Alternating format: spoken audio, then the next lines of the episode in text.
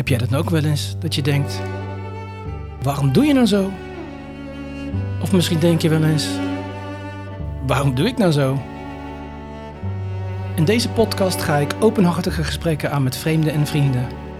Over ons gedrag binnen relaties, tijdens daten en zelfs tijdens seks. We praten over onderliggende thema's als masculiniteit, femininiteit, ego versus bewustzijn, oude trauma's en bijvoorbeeld opvoeding en cultuur.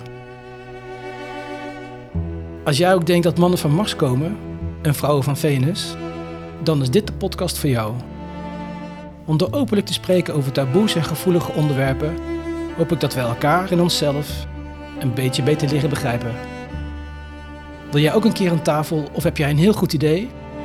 Stuur dan een berichtje naar info@waaromdoejenouzo.nl of ga naar het Instagram-account apenstaartje waarom doe je nou zo?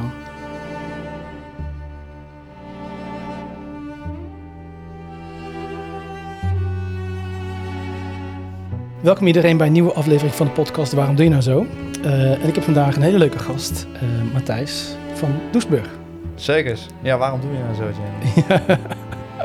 ik vind het heel grappig, want die zin hoor ik heel vaak uh, in het dagelijks leven. Maar het valt me nu pas op nadat ik die podcast zo genoemd heb. En toen ik het, de podcast zo noemde, toen had, ik stelde mijzelf de vraag van waar gaan we het nou eigenlijk over hebben? Ja, over trauma's. Wat betekent trauma's? Ja, waarom iemand zo doet. En toen ik de titel bedacht had, toen dacht ik van, oh, dat is best wel grappig, maar misschien vindt niemand hem leuk. En sinds... Ik vond hem wel goed, jongen. Ja? ja? ik, had, ik had die episode met Maite geluisterd. Ja. Toen ik die intro hoorde, ah, nice. oh, hij past wel. Ja, hij is wel lekker, ja. ja. Um, ik heb Matthijs um, ontmoet, leren kennen tijdens een ayahuasca-ceremonie in, in Amsterdam. En dat was mijn eerste. Het was niet jouw eerste. Nee. nee. Jullie toen al weten dat je wel... Uh, ik vond het zo grappig, want wat je toen vertelde was dat je op het blaadje had geschreven... ja, uh, weet wel dat ik heel hard ga lachen. Ja, sowieso. ja, er waren inderdaad een x-aantal punten die je had aan te geven van tevoren... En waar hebben we rekening mee te houden? Ik lach, punt. Want ik heb ook wel eens meegemaakt tijdens de ceremonie... dat ik er helemaal kapot ging van het lachen. Ja. Maar dat ik dan wel echt even gejust werd. Oh. Maar dan zat ik uh, niet per se in een stuk van... Uh, kijk, je hebt een lachkick... Ja. Maar je hebt ook echt lachen wat dat er gewoon uit moet. Ja. Dus, wat was het dan bij jou? Ja, nou, ik heb het gevoel dat het een combinatie van alle twee was. Ja. Want ik heb jou horen lachen, jongen. Want ik, ik wist eerst, dacht ik van, nou, misschien lacht hij gewoon een beetje of zo. Misschien is het een dingetje. Ja, maar ik heb echt, ik heb echt een hele LOE-cursus gefabriceerd in mijn hoofd door ayahuasca-ceremonies. Want we waren toen bij Jeroen en Larissa van de Temple of Ascension. En uh, toen ineens kreeg ik het op mijn heupen. Toen zag ik in één keer, Holy shit, jongen. Ik, ik had een, zij hebben zeg maar hun kind, hun baby zat gewoon bij de ceremonie.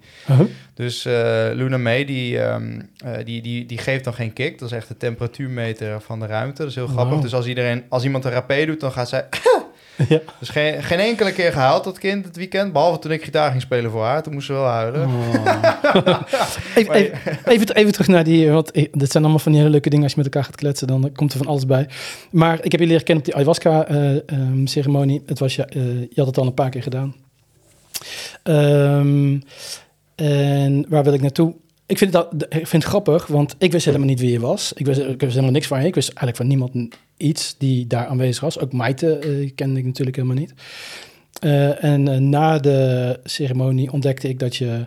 We hadden het wel over dat je coaching deed, maar ik zag in één keer heel veel op Instagram voorbij komen over waar je je mee bezighoudt.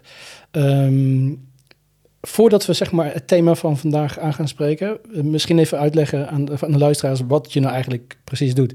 Want ik wilde je net introduceren en toen kreeg ik een titel. En toen dacht ik van, dat, mag je zelf doen, want ik struikel ja, daarover. Voel je je dan niet comfortabel om dat, uh, om dat te delen? Nou ja, nou ja nou wel, maar uh, ik denk dat ik daarover ga struikelen. Okay. Ik, ik, weet niet eens meer wat de woorden precies waren. Ja, ja nou, uh, ik heb in mijn, in, mijn, in mijn LinkedIn en mijn Instagram bio staat holistisch gezondheidsexpert en therapeut. Ja. Um, ja, je kan er ook holistische educator en podcaster bij plakken. Want dat is in principe, ja, dat zou wel een goede mengelmoes zijn. Dus expert, therapeut, coach, ja. educator en podcaster. Want je hebt ook een cursus, de zelfregie. Uh, ja, dat is een, een, platform. Dus ik heb een x aantal dingen waarmee ik zeg maar mensen help. Ik heb een online platform, dat heet de Zelfregie Academy. Mm -hmm. Dus dat is eigenlijk een, een, een, een, een, een online leeromgeving eh, met probleemoplossende tools, technieken, community, like-minded people om eh, ja, je lichaam, geest en ziel zeg maar eh, te transformeren naar waar je blij van wordt. Ja. Met probleemoplossende tools en kennis. Eh, verder heb ik mijn, mijn, mijn praktijk waarin ik mensen behandel eh, en coach. En ja, heb ik mijn podcast. En zo nu en dan, ja, dan organiseer ik planmedicijn Ah, en, ja, en, en mijn workshops. dus, ja. Die, die podcast had je al langer, zei je? Ja, wat ik al zei vandaag tegen jou, dat Ja. begon eerst als een, als een YouTube-kanaal. Dat was eigenlijk, hè, als we het over trauma hebben, om daar gelijk maar de brug te maken. Dat, Ja. eh, tien jaar geleden stapte ik in een voetbalgat en mijn, mijn linkerknie die klapte dubbel, dus die klapte naar achteren. En toen kon ik dus niet meer zo lekker eh, lopen, hardlopen. Ja. Eh, nou, dat, dat heeft ongeveer, of nou, dat heeft negen jaar geduurd voordat ik eindelijk weer pijnvrij kon bewegen. Maar dat heeft een hele cascade aan pijn veroorzaakt en blessures. Want ik ging dus mijn gewicht op rechts dragen in plaats van op allebei. Mm. Ehm, nou, ik heb in de zes jaar tijd daarop heb ik veertien verschillende fysiotherapeuten gezien. Twee chiropractoren, podotherapeut, knieoperatie gehad, een MRI-scan gehad. eh, Met eigenlijk niet het resultaat waar ik op hoopte, namelijk weer eh, dat gewoon fatsoenlijk pijnvrij kunnen gebruiken. Ja. Nou, omdat ik dus al mijn gewicht op rechts ging dragen, zakte ik als het ware in elkaar. Kreeg ik heel veel druk op de rechterzijde van mijn lichaam. Kreeg ik chronische lage rugpijn rechts. Eh, eh, ik had af en toe uitval van mijn linkerbeen, dus mijn linkerbeen Wow. was af en toe verlamd. Ik had chronische schouderpijn links, chronische elleboogpijn links. Dus alles, de pijn was allemaal links. Ja. Dus, hè, dat is mama's kant, de yin-kant. ja. Ehm, maar goed, dat soort kennis, dat, dat, dat, Had je toen niet? ja, dat was er toen niet. Oh, dat was het toen het was er wel Ja, zo, maar- niet, niet in jouw omgeving. kwam, kwam, kwam ik niet tegen, zeg maar. Het was allemaal, oh, deze spier staat eh, flink op spanning. Oh, maat, hier, hier, ben je, hier is je range of motion helemaal pleuris. Weet je, allemaal Ja. van die onzin wat, eh, wat door iedere fysio weer opnieuw uitgekraamd werd. De polen die je bezoltjes wil aansmeren. Ja. En ik, daar, ik voelde altijd van, ja, dit, ik wil gewoon problemen oplossen. En we zijn nu alleen maar pleisters aan het plakken. Ja, Ja, ja, ja. jarenlang nielen, stretchen en al die onzin die ik, ieder, die ik heel veel mensen zie doen. Ja. Maar goed, dat, eh, dat hielp dus niet. Nou, dan zijn we tien jaar later, of negen jaar later. En toen heb ik eigenlijk mezelf als... eh, heb ik mezelf een groen vinkje en eh, geheeld eh, bestempeld. Maar dat begon dus doordat ik allemaal maar incapabele therapeuten tegen bleef komen. Die allemaal wel, die ook les gaven op eh, bijvoorbeeld de Hogeschool van Arnhem en Mm. Nijmegen. eh, heel erg eh, gangster zijn in hun, in hun vakgebied. Van, oh, docent, ik geef heel veel cursussen. Accreditaties hoog, ik heb 10.000 cursussen gedaan. Nou, weet je wel, vroeger daar keek ik heel erg tegenop tegen Ja. dat soort mensen. Van, oh, diploma's. Wauw. Ja, vet. Maar, maar ze, konden niet, ze konden mij niet echt per se helpen. Dus eh, niet dat ik hen in discrediet hoef te brengen, maar het was voor mij dus niet de, de, juiste manier van aanpak. Dus ik werd daar chagrijnig van en toen ben ik een YouTube-kanaal begonnen. Dat heette Injured Dumbass. Ehm, zo voelde ik me destijds een geblesseerde idioot, want eh, ik snapte er helemaal geen reet van. En eh, de mensen waar ik naartoe ging ook niet. En toen besloot ik om eigenlijk mijn proces maar vast te gaan leggen. En ja, ik heb toen tijdens, ik, ik studeerde toen food and business, specialisatie in marketing gedaan. Toen ging ik op een gegeven moment content maken en zo. En toen eh, via via leerde ik eh, ja, zelf video en fotografie. En er was iemand die deed allemaal corporate films, Niels Jozef. Eh, en die, die zei, oh, dat is wel echt een dik verhaal wat je hebt. Ik zou het vet vinden om je te kunnen helpen. Dus hij heeft me toen met de eerste episodes geholpen. En hebben een, een soort van episode gemaakt... ja, waarin ik een quest kreeg om dan maar probleemoplossende kennis te gaan vergaren... en dat delen met de rest van de wereld. Vet. En eh, ja, we hebben heel veel schrik gehad. Een beetje GTA-achtige shit nadoen en zo. En die- dus we hadden heel veel lol met het maken van die, van die content. Maar goed, ik kwam er al snel achter hoe pittig het kan zijn om al je content zelf te maken. Ja, ja, en ik ja, had dus, net als jij, ook wel een redelijk perfec- perfectionistische bril. Ja, irritant. Dus ik, dus ik wilde gelijk London Real Netflix kwaliteit. Ja. Maar, ik wist nog niet eens wat white balance was. Dus, eh, dus, eh, hey, ik, ik heb het idee dat we op een, eh, op een kruispunt aankomen, want je... Uh, hoe oud ben je nou? 29. 29. Dus zeg, eh, op je 19e had je dat, eh, dat ongeluk. Eh, je hebt dan een heel lange reis gemaakt. Je kwam erachter dat alles aan je linkerkant zat, dus de yin-kant, eh, de, de moederkant. Maar ehm, dat is zeg maar van, via rechts. Maar ik ben eigenlijk benieuwd via links.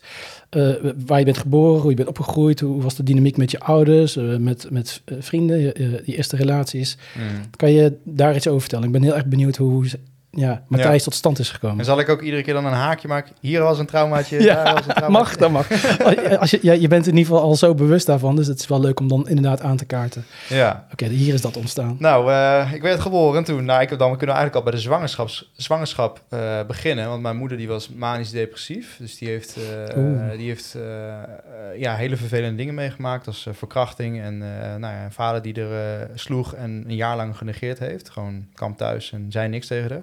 Keek er niet aan of zo. Dus eh, heel erg manipulatieve moeder gehad. Nou, mijn vader had een emotioneel onbeschikbare vader. En ehm, eh, verder super lieve ouders. Ehm, maar goed, mijn moeder slikte dus ook antidepressiva. Nou, dat heeft allemaal impact op de zwangerschap.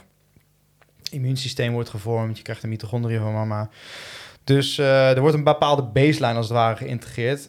Dus dat was al niet juvenet. Toen ik werd geboren, ehm, ben ik met de navel zo streng om mijn keel heen geboren. Dus ik had zuurstoftekort. En er waren twee of drie kinderen voor mij geboren die waren gestorven door die manier. Want toen wisten ze nog niet zo goed wat ze ermee aan moesten. Dus het was al een blessing dat ik überhaupt kwam. Mm. Toen ben ik in de cuvose ge, ge- ge- be- terecht geraakt. Dus dan heb je geen contact met moeders, geen borstcontact, geen oogcontact. Dus dan denk je als kind, hé, hey, ik mag er niet zijn en er is Exact. doodsangst. Dus Ja. dat is helemaal top natuurlijk. Ja, ja, allemaal mooie ingrediënten voor. Dus eh, eh, dat is al check, check, check, check, check. ja. en ehm, nou goed, ik ben geboren in Eindhoven, de lichtstad. Kom even, ik kom even de boel al bij verlichten. Brabant, ouwe. Ja, ja, zeker. maar ik ben opgegroeid in, in, eh, in Tiel. Dat ligt in de Bermuda-driehoek van Nederland tussen Arnhem, Nijmegen en Utrecht. Gelderland, bij Flipje. En eh, ja, wat... eh, Maar je, je, je geboorte, de, de, de hele, eh, het, het, het op aarde komen, dat hele proces was eigenlijk al traumatisch voor je. Maar dit is de kennis waar je het nu over hebt. Dus je weet dat die dingen gebeur, gebeurd zijn en je weet dat het impact heeft op eh, een mens. Maar kun je daar energetisch nog iets van herinneren in je, in je systeem? ja, antwoord is ja.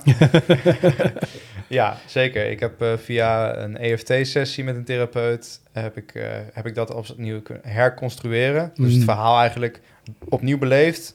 En vervolgens via visualisatie en tapping technieken zeg maar, er een nieuwe ingestopt. Nou, dat eh, kwam eerst heel veel verdriet bij en daarna echt extreme bliss. Dus dat was een lekkere. Ehm, Kun je, kun je, taak, kun je uitleggen eh, hoe dat werkt voor de mensen die dus er nooit van gehoord hebben? ja, EFT staat voor Emotional Freedom Techniques. Dus nou, je hebt allemaal meridianen. Dus dat zijn als het ware de energiebanen van je lichaam waar informatie doorheen giert. eh, zodat hè, als jij je linker wijsvinger bij wijze van spreken wil opsteken, dat gaat onder andere via een meridiaan in je zenuwstelsel, gaat daar licht, een lichtsignaal naartoe. En nou ja, als die als, die, als er blokkades ontstaan om verkrampingen van, of om wat voor reden dan ook. Hè, dat kan eh, psychosociaal emotioneel, mentaal, sp- et cetera. Je kan dus via tapping, kan je op bepaalde meridiaanpunten, eh, als je daarop tapt, dan ontspan je het zenuwstelsel. Dus haal je al een bepaalde fight, flight, freeze respons eruit. En die associatie die je hebt met de geboorte, dus je hebt een verhaal, het is mijn verhaal. Ja. Het is maar een verhaal, that's Ja. it. Het is allemaal één grote illusie, maar daar komen we misschien later nog op. En het bewustzijn wat zichzelf ervaart, hè, dat heeft allemaal verhaaltjes gecreëerd om, om maar een realiteit te vormen. Ja. En die kun je dus aanpassen. Oké, Dus met zo'n techniek kun je als het ware terug de tijd in. En eh, onder middel, door middel van visualisatietechniek en tapping kun je dan iets her- herconstrueren. oké, Dus dat is een van de vele technieken die ik heb ervaren in mijn leven. En eh, nice. dat werkte wel doen. Oké, dus je hebt ehm, bij het, het ter aarde komen eh, van, jou, eh, van jouw persoon, heb je traumatische ervaringen gehad? En hoe, hoe was jouw jeugd? Ehm, nou, ik had... ehm, ja, ik, ik heb... Even kijken. Mm, De, de, de, de mensen... Eerst dachten volgens mij dat ik ADHD en autisme en hoogbegaafdheid had. Ja. Nou, eh, toen ik naar de basisschool ging, ik ben een paar, ik ben van Eindhoven naar Woerden gegaan, van Woerden naar Tiel. Dus ik ben een paar keer verhuisd, zeg maar. En in Tiel ben ik meerdere malen keren verhuisd. Eh, dus ik heb ook op verschillende basisscholen gezeten. En Ja. toen ik op mijn, eh, even kijken, de eerste basisschool had ik echt top. Ik was veel bij mijn opa en oma tussen de middag. Maar echt mijn, eh, mijn matties. En eh, ehm, toen ik van school switchte, toen, toen op die school ging ik... Ik woonde in de straat bij een meisje en die snotterde altijd. Die had gewoon, dat was echt zo'n karikatuur, zeg maar, op tv-serie met fucking veel snot. En eh, nou, Ja. dat, dat was, was een vriendin van mij. Want, en haar broer, die had zo'n modeltrein. Zo'n zo'n mega grote kamer met allemaal die levensechte treinen. En ik vond treinen echt helemaal de shit vroeger. Ik, vond, ik wilde stoomtreinmachinist worden. Oh ja, vet. dus ja, hij was, zo, hij was gewoon... eh, hij had echt zo'n goddelijke speelkamer voor me hem. Dus, nou goed. Dus, ik, dus eh, ze vroegen toen op die dag van... "Eh, naast wie wil je zitten? Dus ik ja, ik wil nog wel naast Iris zitten. Maar ja, blijkbaar was zij niet zo cool in de klas. Dus, eh, dus, dus zij werd al gepest. En toen ik naast haar ging zitten, werd ik ook gepest. Nee. Dus eh, ik, ging, ik zat eerst, vroeger zat ik zeg maar bij de snelle rekenkinderen en de snelle dit, snelle dat. En eh, het ging me allemaal voor de wind. Maar sinds ik op die school ging zitten en naast haar ging zitten, ging het echt zo met mij. Dus ik ben Ja. eigenlijk mijn hele basisschoolperiode gepest. Meen je niet? Tot aan groep 7 of zo. Toen gingen we op een gegeven moment wat worstelachtige dingen doen bij gym. En toen in één keer gooide ik iedereen zeg maar alle kanten op. Ja. Want ik was voor mijn leeftijd was ik wel iets groter en, en sterker. Alleen ja, als je in je eentje tegen, ja, tegen kinderen zeg maar, je hebt op te wassen, dat schiet niet echt op. Ja. Dus daar ben ik heel erg ja, naar binnen gekeerd. En, en, en heb ik echt heel veel verdriet. En, en eh, ja, er zijn ook dagen geweest dat ik echt om, om de dood smeekte als kind al. En dus dat is ook een hele intense periode Om geweest verlossing in ieder geval. voor mijn, voor mijn moeder geweest. Die, ja, dat ik gewoon huilend op de grond lag en smeekte ja, Zo wil ik niet meer daar naartoe te gaan. Ja.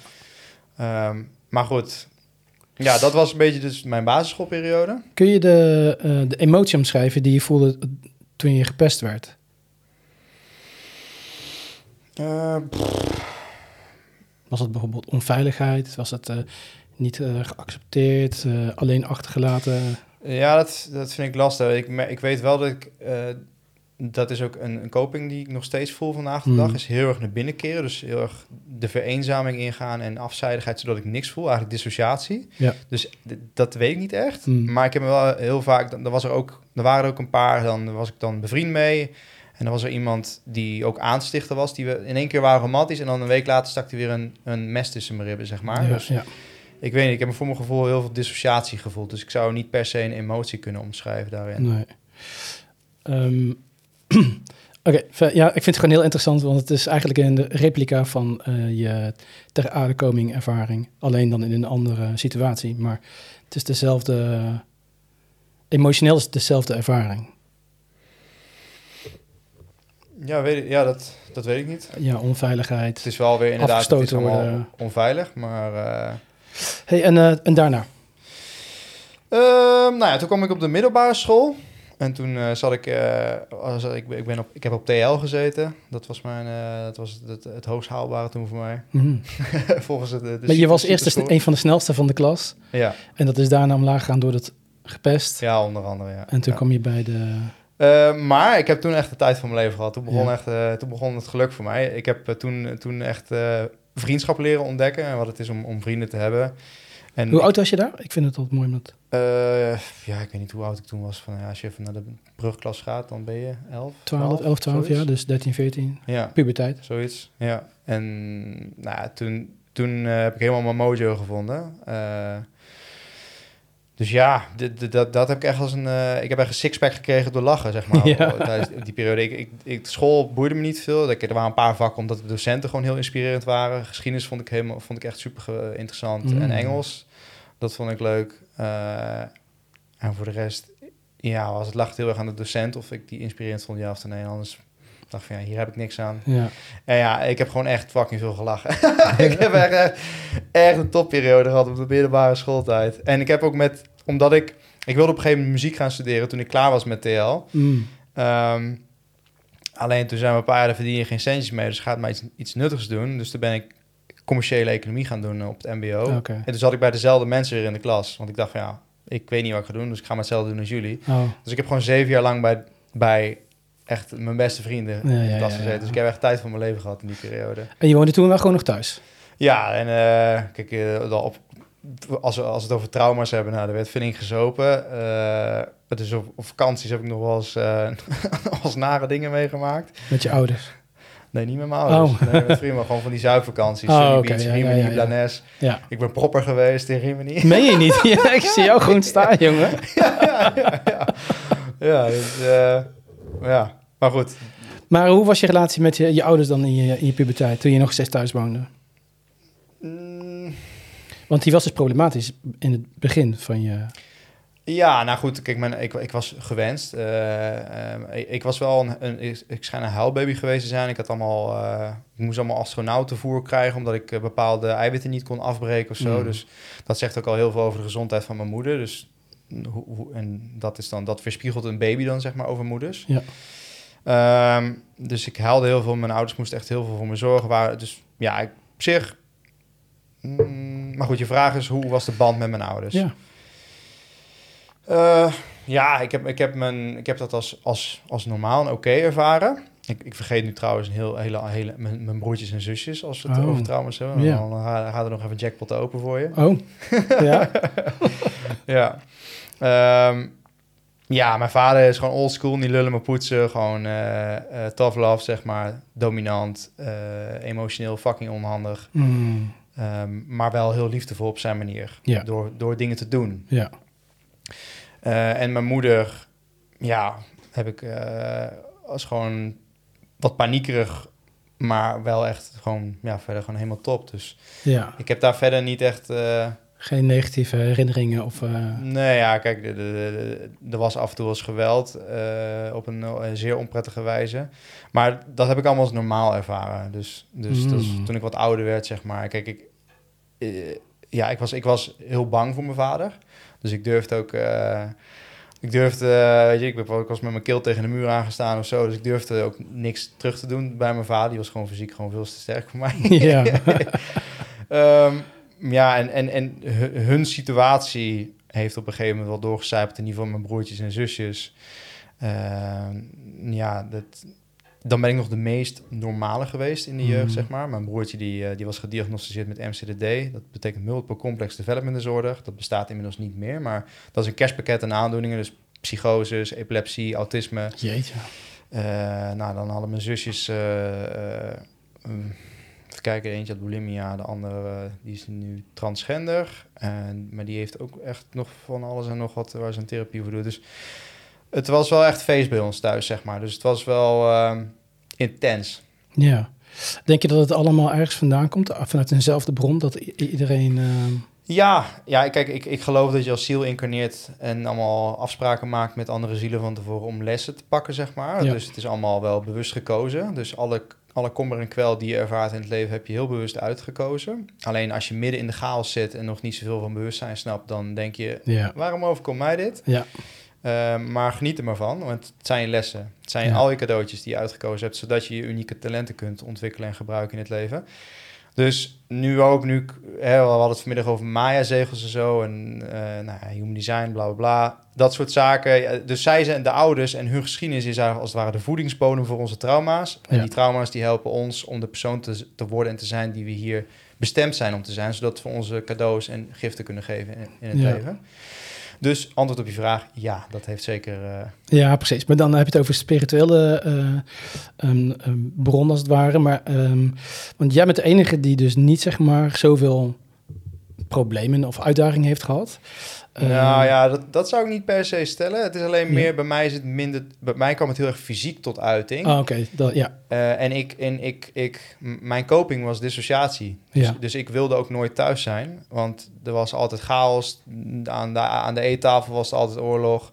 Eh, tenminste, voornamelijk. Ik had, toevallig heb ik gisteren, bij mijn, of eergisteren was ik bij mijn ouders. Hebben we met het gezin gezeten. En dat was een voor de eerste keren in mijn leven dat ik, dat er bijvoorbeeld geen, eh, dat er niemand in drama uitbrak aan tafel Mm. of zo. Dus het is wel leuk om te zien dat die evolutie ook van de familie, ja, in Ja, een mooie lijn ja, aan ja, het groeien is, zeg maar. maar je vond het dus normaal eigenlijk, dat zei je. Je, je, eh, je ervaarde het als normaal dat, je, ehm, dat er geweld thuis was. En dat je soms eh, dat je vader geweld op jou ehm inflicted, hoe zeg je dat in het Nederlands? Uiten? Ja, ehm, maar dat ervaarde je als normaal.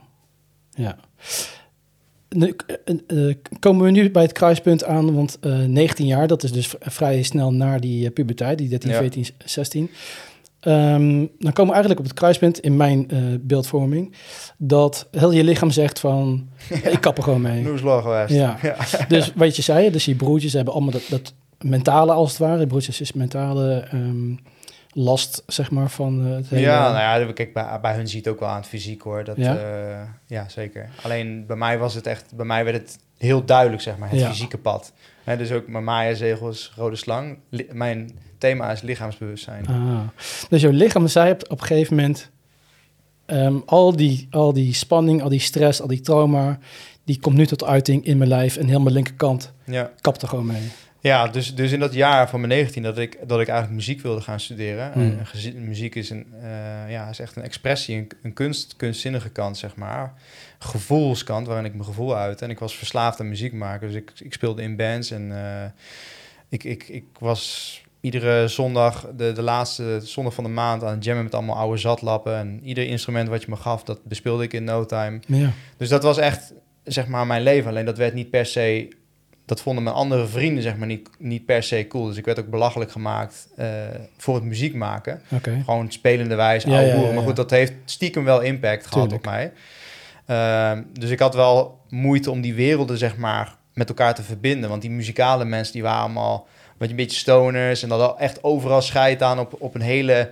Ja, zagen er een beetje af en toe gothic uit. En dat, en dat, en dat trok me dan weer niet, dat ze er zo bij liepen. Maar, maar gewoon, ze waren wel heel vrij van geest. Ja, En ze uiten zich wel heel oprecht. En dat deden die andere mensen wat Ja. minder. Daar was meer, weet je wel, gezien en gezien worden. Ook niet per se, maar we hadden een hele eigen humor gecreëerd. En goed, dat liep niet helemaal samen. Dus, maar goed, dat, de neg- mijn negentiende levensjaar was dus wel het, het kantelpunt. Want dat was het jaar dat ik mijn hart dus niet volgde. oké. Omdat ik meeging in het vaderlijke verstand. Ja. Ga maar iets doen waar je... Ja. En veiligheid. Oh, daar was die keuze gemaakt Dus, in je en, 19. en toen kreeg ik ook... In dat jaar kreeg ik ook mijn knieblessure. Ah. Dus ja, je kan het toevallig vinden, maar... Nou ja, Dat voor mij is het, dat het is gewoon een niet- manifestatie van... Je, je blokkeert eigenlijk jezelf. Ja, Heel je systeem zegt van, eh, we gaan niet eh, die, die kant op. ja dus inderdaad. mijn gevoelskant liet zich voelen. Ja. Alleen ik wilde niet naar mijn gevoel luisteren, omdat ik te bang was naar mijn gevoel te luisteren. Want ik was op zoek naar de validatie van mijn vader. Ik wilde mijn vader trots maken. Ja, Dus ik heb ook mijn hele studieperiode heb ik eigenlijk niet voor mezelf gedaan, maar voor hem. Dus eh, in mijn laatste jaar van HBO realiseerde ik me ook eh, en dan moest mijn toenmalige vriendin me echt over de streep krijgen met, met, met berekeningen dat ik nog meer geld kwijt zou zijn als ik mijn diploma zou halen dan dat ik nu zou stoppen. Mm, En toen in het laatste jaar besefte ik eigenlijk van, wat de fuck ben ik aan het doen, man? bizar hè? En toen ben ik gestopt. En eh, ja, dat is echt een van de beste keuzes geweest in mijn leven. Ja. Maar op dat moment ben je nog niet zo bewust dat je in de gaten hebt wat er speelt in je lijf, wat je lichaam je aan het vertellen is. Nee, totaal niet. Dat heeft dus nog heel veel jaren geduurd. Dat heeft zeker nog wat jaren Ja. geduurd, ja. Maar dat hele proces waar je in bent gedoken is dan een proces van... hé hey jongens, ik heb hulp nodig. Wie kan mij helpen? Want eh, het voelt allemaal kut. eh, en je, je, je krijgt geen ehm, validatie of je krijgt niet zeg maar... Ze kijken alleen maar naar de buitenkant. Het wordt, het wordt pleister plakken. Het wordt alleen maar... Oké, dan moeten we dit doen, dan moeten we dat doen. Maar niet van, oké, maar wat is nou eigenlijk aan de hand met Ja. de innerlijke Matthijs? Ja, ja, dus het is heel erg oppervlakkig. Oké, je hebt last van je knie. Ja, Hoe gaat het met je knie? ja, Maar een fysiotherapeut wordt opgeleid om heel anatomisch en, kinetisch te kijken. Oké, hoe beweegt de knie? Wat is de range of motion? En wat is die dan nog niet eens? Wat is dat in verhouding met de rest van de context van het lichaam? Dus het is, ja, dat is ook een beetje de west, mankement van de westerse samenleving. We willen zoveel weten van iets dat we op een gegeven moment niks meer weten van het alles. ja, Dus hè, ja. we- we zijn zo bezig met kaderen en klein maken, zodat we specialisme hebben. En Ja. oh, kijk, kijk mij eens, ik weet heel veel van iets, maar eigenlijk geen fuck van het alles. Wat ik nou eh, van een afstand eh, zie, en dat is gewoon alleen maar een, een perspectief. En er zijn eh, 1 miljoen perspectieven van hetzelfde onderwerp. Maar ehm, ik weet niet of het het woord goed is, maar wat ik zie is dat je eh, bij de ter aardekoming. ehm, ik, ik, zie voor me, ik zie natuurlijk beelden voor me in plaats van woorden, maar afstoot en, afwijzing, of afstoot in ieder geval. Eh, onveiligheid is dan de emotie die erbij komt, maar je, je, je, je, je komt ergens en het wordt eigenlijk afgestoten. Dan word je gepest op school. Ehm, je, je hele relatie met eh, je, vader is eigenlijk, je wilt validatie, maar je, hebt, je vindt het normaal dat er eh, geweld op je eh, geuit wordt. Dan zegt je lichaam van ja, maar nu is het echt tijd om deze emoties te gaan voelen. Het komt tot uiting, je, heel je linkerkant kapt ermee. Je gaat dan naar doktoren om ehm, weer die validatie te krijgen van jongens, ik heb iets en kijk ernaar, want ik wil het opgelost hebben. En daar zie ik dan weer een soort van afstoot. Niemand kijkt echt naar de Matthijs die van binnen leeft, maar alleen maar naar de buitenkant. Maar waar ik naartoe wil, we zijn het allebei over eens dat jij, dat we allemaal onze ehm, ervaringen zelf manifesteren. Die hebben we allemaal uitgekozen om de les te leren, om eh, te groeien tot de beste versie die we zijn. En mijn vraag die ik had toen ik je leerde kennen is van wat is jouw motivatie dat je zo'n spons bent en zo'n ehm, zoveel op zoek bent naar kennis en informatie? Want ik zie je echt over talloze onderwerpen ehm, kennis delen en dan heb je weer iets nieuws en of, eh, dan is dit onderwerp, dat onderwerp. En wat ik dan voor me zie, is dat je zelf, dat is mijn perspectief, hè, dat je zelf al die uh, afstoot ervaring hebt gecreëerd om die motivatie te vinden van ja, maar ik ga ervoor zorgen dat ik mijzelf zie en snap. Want jij bent nu zeg maar zo kundig in gezondheid en je lichaam en voeding. En dat is een talent, zeg maar. Daar, daar moet een motivatie ten grondslag voor liggen om die om dat talent te bereiken of om tot, tot uiting te laten komen.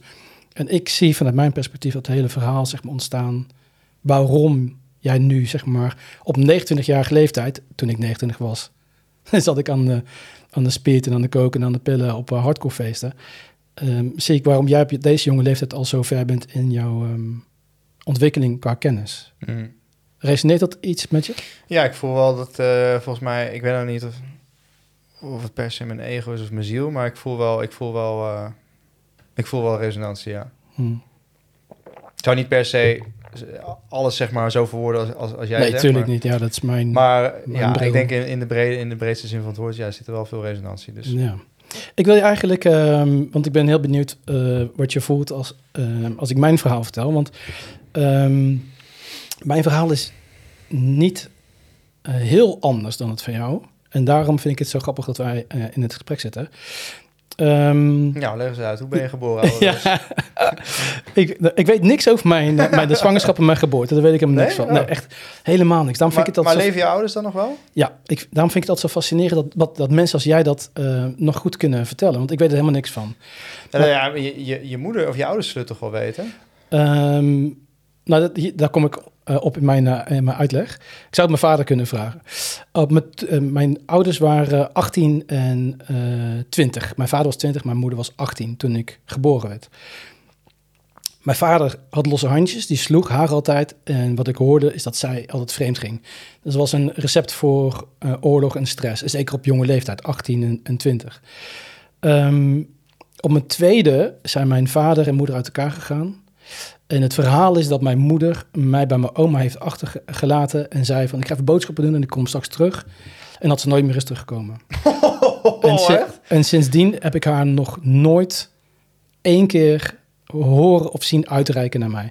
Geen verjaardagskaartje, geen... Uh, maar, maar je weet wel, ze leeft, she's, she's alive en ja. waar is ze dan? Zij is uh, letterlijk binnen een straal van 20 kilometer ergens anders gaan wonen.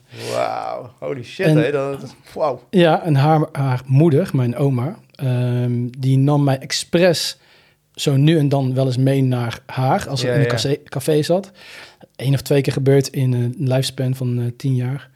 Um, en op mijn uh, dat is zeg maar, even parkeren aan de linkerkant, aan de rechterkant. Ik, uh, mijn vader was altijd werken, want een jong mannetje, die moest gewoon uh, werken natuurlijk. Werkte in het Sint Franciscus ziekenhuis als laborant. En ik sliep eigenlijk altijd bij mijn oom en tante, bij mijn opa en oma of de zus van mijn oma, dus ook een tante, maar om hmm. de dingen uit te leggen dat was mijn thuis. Maar mijn thuis was altijd Rotterdam, Oosterhout, Breda, wel overal. Ik had nergens was een thuis. En zijn, jou, zijn jouw ouders allebei Indo's, in, Indonesisch? Of? Mijn moeder is Nederlands en mijn vader is uh, Indonesisch. En de familie waar ik dus bij opgroeide, dat was allemaal Indonesische uh, mensen. Hmm. Um, mijn vader sloeg mij altijd. Met een riem, met, met hand. Dat, dat was gewoon de normaalste zaak van de wereld. Daarom geweld. Maar was er dan nog iets specifieks of zo qua aanzet? Wat, wat, wat, wat, nee, Dat, was, dat was gewoon de opvoeding. Dat vond ik normaal.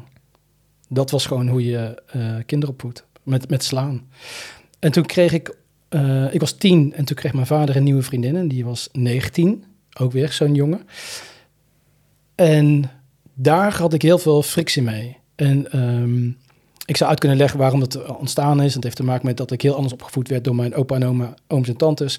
Dan dat zij mij op wilden gaan voeden. Zij wilden mij veel strenger opvoeden. Dat botste. Oké, dus je moeder kwam weer een beetje in de picture rondom je... Stiefmoeder. Oh, dus stiefmoeder. mijn nieuwe Oh, vriendin. sorry. mijn nieuwe vriendin. Ja. Dus mijn, de nieuwe vriendin van mijn vader, die wilde mij strenger opvoeden. En dat was heel anders dan mijn Indonesische familie me op, op had gevoed. En was zij, is zij Nederlands? Ja, zij is ook Nederlands. Ook blond haar, blauwe ogen. Dit is heel erg leuk voor mijn levensverhaal. Blond haar, blauwe ogen. Zij wilde mij heel streng opvoeden, heel strikt. Maar ik, kon daar moeilijk mee omgaan. Dus vanaf mijn tiende tot mijn achttiende heb ik ruzie met haar gehad. En in die eh, acht jaar sloeg zij mij ook. Dus mijn vader en mijn stiefmoeder sloegen mij. Dat was gewoon de normaalste zaak van de wereld. Soms had ik huisarrest van september tot en met juni.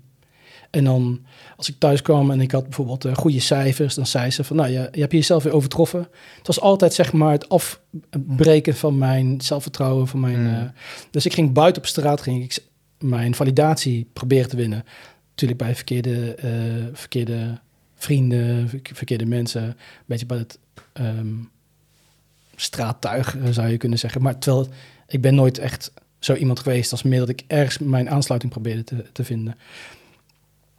Op mijn achttiende zei mijn vader eh, om eh 9 uur, 10 uur 's avonds, twee weken na mijn achttiende verjaardag. Voor 9 uur wil ik dat je de deur uitgaat en je hebt een week tijd om je spullen op te, eh, op te komen halen, anders gooi ik alles weg. En dat was het. Geen huis, geen onderdak, geen eten, geen drinken, geen geld, helemaal niks. Gewoon om 9 uur 's ochtends. Ik mocht nog een boterham met hagelslag eh, eten en daarna was het gewoon op straat. Vanaf dat moment ben ik op straat gegaan. En ehm, dan begint eigenlijk het verhaal van ehm, op straat slapen, in het park slapen. Beginnen met drugsverkoop. Om, eh, het was de tijd van hardcore, dus iedereen zat aan de ecstasy. Dus het was heel makkelijk om ecstasy gaan verkopen en om jezelf staande te, te houden. Ten eerste erkenning en validatie, maar ten tweede ook ehm, de bus kunnen betalen of eh, ergens kunnen slapen, et cetera. En dat hele proces, zeg maar, na dus dat ik op straat ben gezet, totdat ehm, ik al die trauma's aan ben gaan kijken. Dat is een, een, een, een reeks van relaties geweest, waar ik telkens een verkering kreeg met een meisje van, met, blond haar, met blauwe ogen, die mij het gevoel gaf dat ik niet veilig bij was. Dus de, het, het, de ervaring was, ik, ben op, eh, af, afgewezen door mijn moeder, zeg maar, of de rug toegekeerd, of alleen achtergelaten. Ehm, eh, ben op straat gezet, onvei- onveiligheid en geen stabiliteit zou je kunnen zeggen als de basistrauma. Ik kreeg een vriendin die vreemd ging. Ik kreeg een vriendin die nog beste matties was met haar ex, maar haar ex altijd voorrang gaf eh, eh, eh, dan mij, dan ik. Eh, relatie gehad waar ik zes jaar samen woonde, waarvan vier jaar geen seks, omdat er gewoon geen connectie meer was. Ehm, dat soort relaties had ik allemaal achter elkaar. En nu weet ik dat is een manifestatie van het trauma, wat ik continu maar aangekeken wilde worden, totdat ik het aankeek. En nu heb ik het aangekeken en heb ik een hele andere vriendin, Ja. don- donker haar, et cetera. Ja, volgens mij, Carl Jung heeft daar een mooie quote over, volgens mij. Until you meet the inside, the inside meets you on the outside. Een hele mooie, wist ik niet, maar dat is echt exact wat er gebeurt. Ja. Je manifesteert continu buiten in je buitenwereld hetzelfde trauma, dan wel in een hele andere vorm, maar die emotie wilt gewoon aangekeken worden. Mhm. Totdat je het aankijkt, blijf je herhalen eh, die, ehm, Ja, dezelfde, dezelfde, de soortgelijke frequenties Ja. blijf je herhalen, ja. exact. Ja. Ja. Dus eh, is wel een intens verhaal, man. Te leren. ja, ik vertel het met gemak, omdat ik het al duizend en één keer Ja, nee, verteld dat- heb. Daarom, het, het is ook wel... Ik, ik dacht gelijk toen jij dat begon te vertellen, dacht ik... Oh, dat is wel zielig voor jou, zeg maar. Maar hoe, hoe, hoe fucking fucked up moet het wel niet geweest zijn voor je ouders? Wat, wat de fuck hebben zij meegemaakt dat ze zo zijn geworden, jongen? Dat heb ik dus nu. Nu pas heb ik dat bewustzijn, sinds de afgelopen eh, paar jaar natuurlijk. Dat ik denk van, om dit te kunnen doen bij jouw kinderen, Ja, heb jij echt een, een zwaar kruis te dragen. zo. Dus er is iets, zeg maar. En het, eh, het mooie is, ik ga in deze podcast met mijn vader in gesprek. Echt? Ja. Maite die heeft vandaag familieopstelling met de moeder gedaan. Oh ja? Ja, dat was. En die, Ja, is, die is volgens mij 71. Dus eh, die heeft tegen ja, die, haar eh keelchakra en hartchakra zat helemaal vast. Dat was gewoon verstard. Ja, En eh, nou, ja, die, kon, die kon gewoon geen emotie handelen. Nada. bizar. En wat is Maite? Dat is gewoon een wandelende voelvrouw. Dus, Ja. dus alles is gevoelig en eh nou, emotie. Ja, Dus eh, die heeft haar moeder vandaag echt zien breken voor het eerst sinds ja. ik weet niet hoe lang, zeg maar. Dus Maar goud werkt toch? Dat hele... Ik, ik, ik ken zoveel coaches en methodes en het wijst allemaal naar hetzelfde, hetzelfde onderwerp, hetzelfde fenomeen. Het oorzaak van trauma, emoties die aangekeken wil worden. Mhm. Ben je nog wel eens met je ouders in uh, gesprek gegaan over hoe je je jeugd hebt ervaren? Ja, ja zeker. Um, ik, heb, uh, ik heb ooit, dat weet ik nog wel, echt een... Uh, kijk, mijn moeder had sowieso heel vaak het gevoel dat ze het niet goed deed. Zeg maar, mijn moeders grootste angst was, ik ben geen goede moeder. Ik doe alles fout. En uh, dat heeft ze nog heel lang bijgedaan. En ook zondag toen ik, toen ik erbij was, nou, ze wonen aan een weg uh, in Soesterberg. En daar gaan het auto's voorbij en ergert zich heel erg aan het geluid. Dus ik, Mm. dus ik even, even, even wat, wat, een paar techniekjes gedaan met haar. En toen kwamen we al bij het stukje en dat kwam, had te maken met haar jeugd. En, of nee, met, de, met, ja, met onze opvoeding en weer van, ook oh, doe het niet goed. En, Mm. Nou goed. Um, ja, antwoord op je vraag, ja. Ik heb, uh, ja, met mijn moeder is dat, is dat wel oké. Okay. Dat is de meest makkelijke band van de twee ook. Uh, met mijn vader was het meest, vond ik het meest moeilijk. Mm. Dus uh, heel awkward was het altijd. Ook, ook, zijn manier van liefde geven voelde echt heel ongemakkelijk. Terwijl, terwijl hij, hij, hij, hij, hij, is mijn voetbaltrainer en coach geweest, zodat mm. ik dan bijvoorbeeld in een hoge elftal kon spelen, zodat ik me kon omringen met mensen die beter, uh, die, die een bal iets beter konden aantikken dan, dan, ja. dan die andere figuren. Uh, hij, hij, heeft superveel voor me gedaan. Heeft me echt, die gast heeft echt superveel mooie en goede dingen voor me gedaan. Alleen dat Ja. zag ik niet, want ik was gefocust op, uh, op de onveiligheid. Tuurlijk. Um, maar goed, ik heb een keertje gesprek gehad met hem. En ik weet nog... Ja, hij, hij, is heel nuchter en... en um, ja, hij ziet, hij ziet bepaalde dingen nou eenmaal op een bepaalde manier. En Ja. voor, mijn, mm, voor mijn ervaring is hij te verstart om... om uh, destijds was hij in ieder geval... Dat begint nu wat meer los te weken, merk ik. Maar goed, ja, antwoord of ja, ja. Ik heb daar gesprek over gehad met mijn ouders. Mm. En uh, nou, met mijn moeder is dat helemaal prima. Um, ook veel makkelijker. En met mijn vader is het een paar keer awkward geweest. Nou, ik heb uh, uh, laatst mijn vader voor het eerst sinds jaren om hulp gevraagd. Dat kwam ook na een ceremonie heel sterk naar voren. Mede omdat, omdat, omdat we dus een abortus hadden gehad. Dus kind kwam niet ter wereld. Maar ik, was dus, ik ben dus in de geestenwereld ben ik vader. Ja. En die ziel die kwam naar voren tijdens een ceremonie. Mm. En, en daardoor voelde ik ineens hoe het is om vader te zijn. En daardoor realiseerde ik me hoe ik gefocust ben op de, op de, ja, op de, de, de niet liefdevolle kant van mijn vader. Ja. En hoe ik hem dus ook niet de kans geef om zijn liefde wel te uiten op een manier die Mm. wel werkt voor hem. Ja. En dat ik er als een soort van verhevene therapeut boven zit van je doet het niet goed, dit mag je Ja. aankijken. Hem niet gewoon zichzelf kan laten zijn, omdat ik eigenlijk in mijn eigen pijn zit te reageren. Ja. Um, dus toen heb ik hem voor, voor, voor het eerst in mijn leven heb ik hem om hulp gevraagd. Het ging wat minder goed met mijn business, want ik was aan het experimenteren geslagen. Dus nou, wat je aandacht geeft, dat groeit. Dus er gingen heel veel verschillende dingen tegelijkertijd groeien in plaats van één ding wat me gewoon uh, uh, financiële zekerheid en dat soort tafereelen geeft. Um, dus toen heb ik mijn vader uh, om, een, om een kleine lening gevraagd. Nou, dat, daar, daar moest ik wel echt even diep voor gaan Ja, zeg maar, ja, om ja. dat te kunnen. Want ik wilde nooit in mijn leven hulp van hem. Hij wilde me altijd overal bij helpen, maar ik wilde dat niet. Ik had een scheidhekel aan zijn hulp. Maar hij wilde altijd mij helpen, want dat, was zijn manier, van, liefde, van liefde. Ja. Maar dat was altijd fucking opdringerig. Want hij wilde me helpen met van die, van die vakken als wiskunde en toetsen en dat soort shit. Ja, dat boeide me allemaal geen reet. Nee. Laat me maar rust. Ja. Ik wilde muziek maken. Ja, ja, ja. Maar ja, en, hij- en, want hij zei ook, ja, ik heb je, geen, ik heb je bijna geen muziek zi- zien maken. Ik zat iedere nacht tot vier uur s'nachts zeg maar, te spelen om, om maar dingen te leren. ja. Als ik ergens voor ga of, en voor ging, dan was ik gewoon mega obsessief en kon ik niet stoppen. ja. Ehm, dus ik wilde zijn hulp niet. Maar hij zocht natuurlijk Ook toenadering. ja, naar een manier om met jou te, eh, te connecten. Tuurlijk, ja. Dus, op dus zijn dus beperkte manier. die, kon er niet, die kon er ook niet zijn, Nee. omdat ik dat niet toe, toeliet. En Ja. door, die, door die ceremonie kwam dat ineens naar voren. Dus. En toen zei Maite ook van, oké, lief schat... eh, je hebt nu even dit nodig. En als je, nu, eh, als je dit bedrag nu even op je rekening hebt, dan is alles opgelost. Ja. Wie kan je helpen?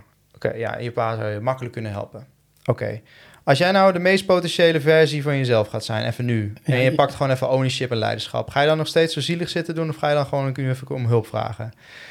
Dus ja, oké. nou. Ja. Dus ik dat berichtje tikken naar mijn pa.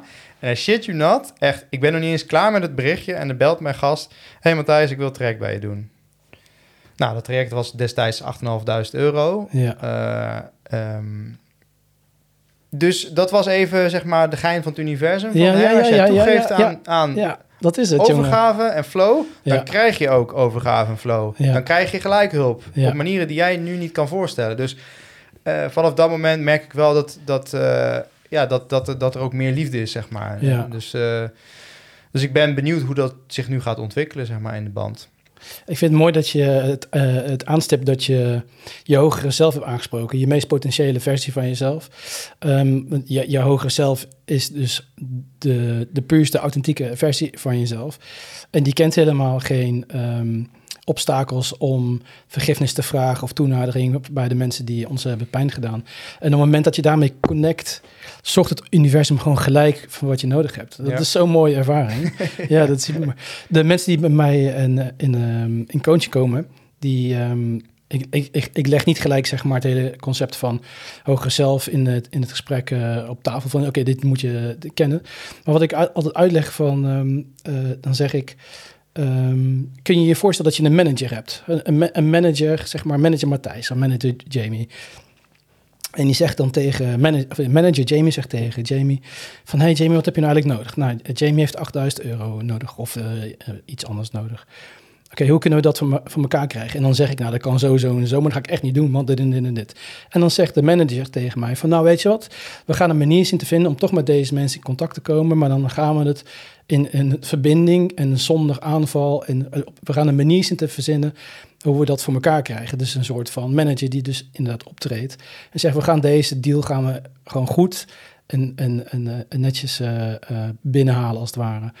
En bijna elke cliënt die, ehm, die de manager in zijn leven ehm, eh, roept, zeg maar, of in zijn leven tot leven wekt, die, ehm, die hoor ik dat ze conflicten aangaan en zeggen ze, ja, maar dit en dit en dit en dit. Oké, wat zou manager eh, Jamie dan zeggen? Ja, manager Jamie zou zeggen van, als, we, als ik dit zeg, dit zeg en, en, en eh, de, de, meest bekende zin is natuurlijk, oké, wat heb jij nodig, zodat we samen kunnen bereiken wat ik eh, wil bereiken. Dus ik wil bijvoorbeeld eh 8000 euro van jou hebben. Oké, wat heb jij nodig? Hoe kan ik jou helpen dat jij mij zeg maar die 8000 euro leent? Dat is een managersgesprek in plaats van dat vanuit je ego, ja, ik, weet, ik wil het gesprek niet aan, ik weet niet hoe ik het moet vragen, of ehm, met schuldgevoel.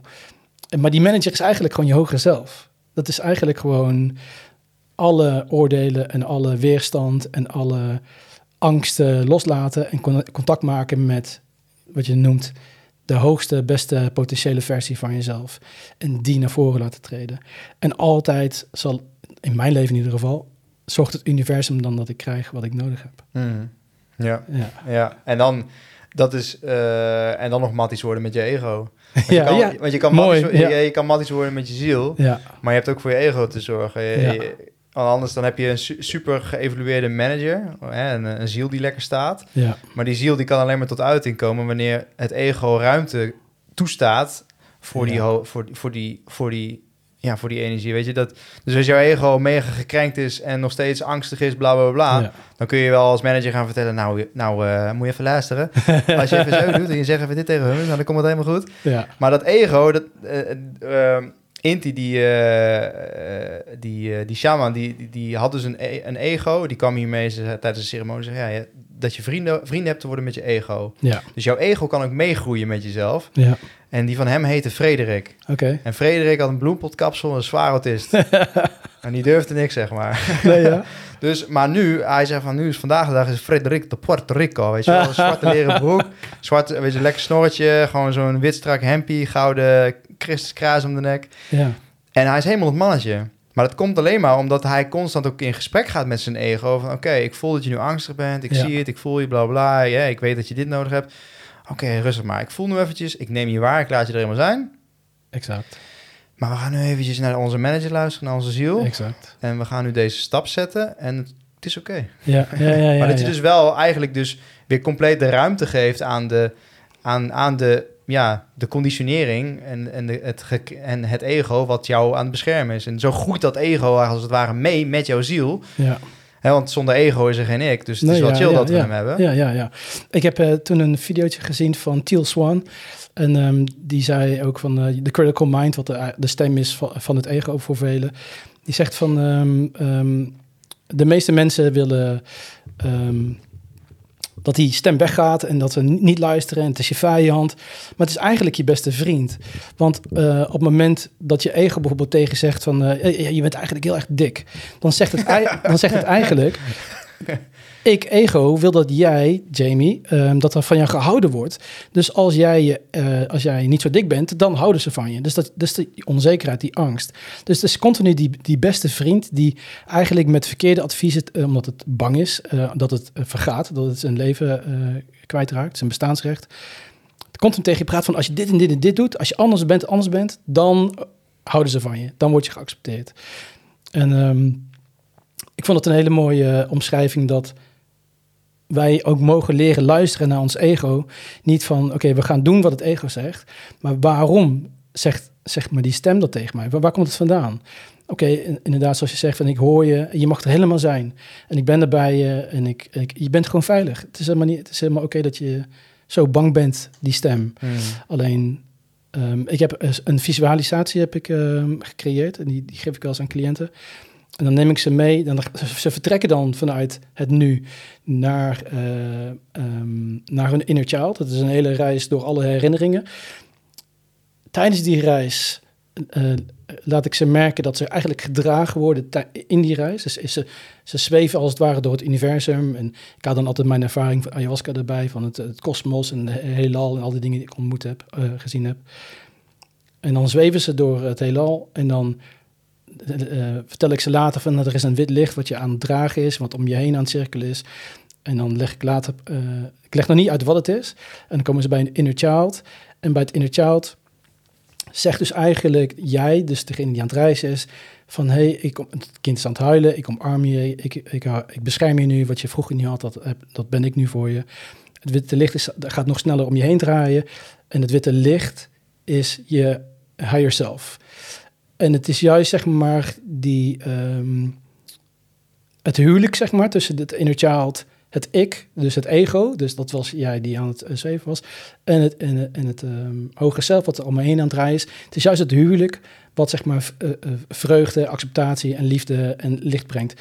En daarmee brengt ze dan terug naar het hier en nu. En dan brengt ze, zeg maar, terug naar het heden, maar dan, zeg maar, in die harmonie van het inner child, het ego, het ik en het eh hogere zelf. En dan zijn ze heel... In principe zijn ze dan heel. in theorie zijn ze heel. Nee, maar ik heb echt eh, cliënten gehad die echt met tranen in hun ogen eh, zaten. Die, het is met, met muziek en dan, dan het duurt ongeveer 45 minuten. Lekker. Ja, dat is mooi. Ja. Mooi. Je kijkt me aan alsof je het een keer mee wil maken. Eh, ik wil ook op reis. nou ja, ik ga over twee weken weer op reis. ja, jij doet, jij doet veel ayahuasca-sessies, hè? In mijn perceptie doe je veel. Ja, nou ja, dat, ik, vind het nogal meevallen hoor, maar eh, dit, dit, dit, volgens mij worden dit dan de, de, de 13e en de 14e keer. Maar het is niet alleen maar ayahuasca, het is ook Pachuma, dus San, Oh, ja. San Pedro in de, in de Spaanse volksmond. Leg even uit, want je organiseert ook ehm, ceremonies. Maar le- leg even uit aan de luisteraars wat het verschil is. Want ik heb gesproken in een podcast over ayahuasca en anahuasca. Dat is het enige wat ik eigenlijk echt ken. Mhm. Oké, dus wat wil je precies weten dan? Eh, wat, zijn de, wat heb je allemaal gedaan? Wat zijn de verschillen? Wat, eh, Nou ja, ik ben ook begonnen met, eh, met alcohol en synthetische taf- taferelen, weet je. Dus ik heb ook de aardige M en Pep en Sos in de mik in de neus gehad. ja. Dus ik, ik heb ook niet stilgezeten. Daar heb ik ook heel veel plezier aan gehad. En, en door M ben ik bijvoorbeeld gewoon wildvreemde mensen een jaar lang iedere dag gaan complimenteren. Ik dacht van, nou, dat is wel leuker, want iedereen is hier super chill. Er is geen ruzie, er wordt niet geslagen. Het is heel anders dan een alcoholfeest. Ja. Dit wil ik. Alleen ik was daarna wel twee, drie, vier dagen en soms wel een week of twee helemaal naar de kloten. Dus eh, dat, dat beviel me niet. Nee, mij ook niet. Ehm, maar goed, dus ik heb wel... Ik, heb ook, ik ben ook een stoute jongen geweest, om het maar even zo te noemen. Ja. En dat is helemaal prima. Ja, zeker. Ehm, goed, ja. Nou ja, en op een gegeven moment dan... Ik heb toen ook geëxperimenteerd met, met truffels en paddenstoel. Mhm. Alleen dat was met vrienden. Ehm, en dan, eh, dan, dan riep ik wel eens bijvoorbeeld... ik- laatst had ik een goede vriend van mij. Die was er toen bij. Toen heb ik bijvoorbeeld gezegd tijdens een truffeltrip... van waarom betalen we belasting? En toen lachte iedereen mij keihard uit. maar nu, heb ik, hem- dus nu stelde ik hem precies dezelfde vraag. Nou Jesse, waarom betalen wij belasting? En nu zei en nu, ja, dat vind ik eigenlijk wel een goede vraag, man. dat vind ik wel grappig, dat dat soort dingen dan nu al, nu, nu, ik, ja, maar goed.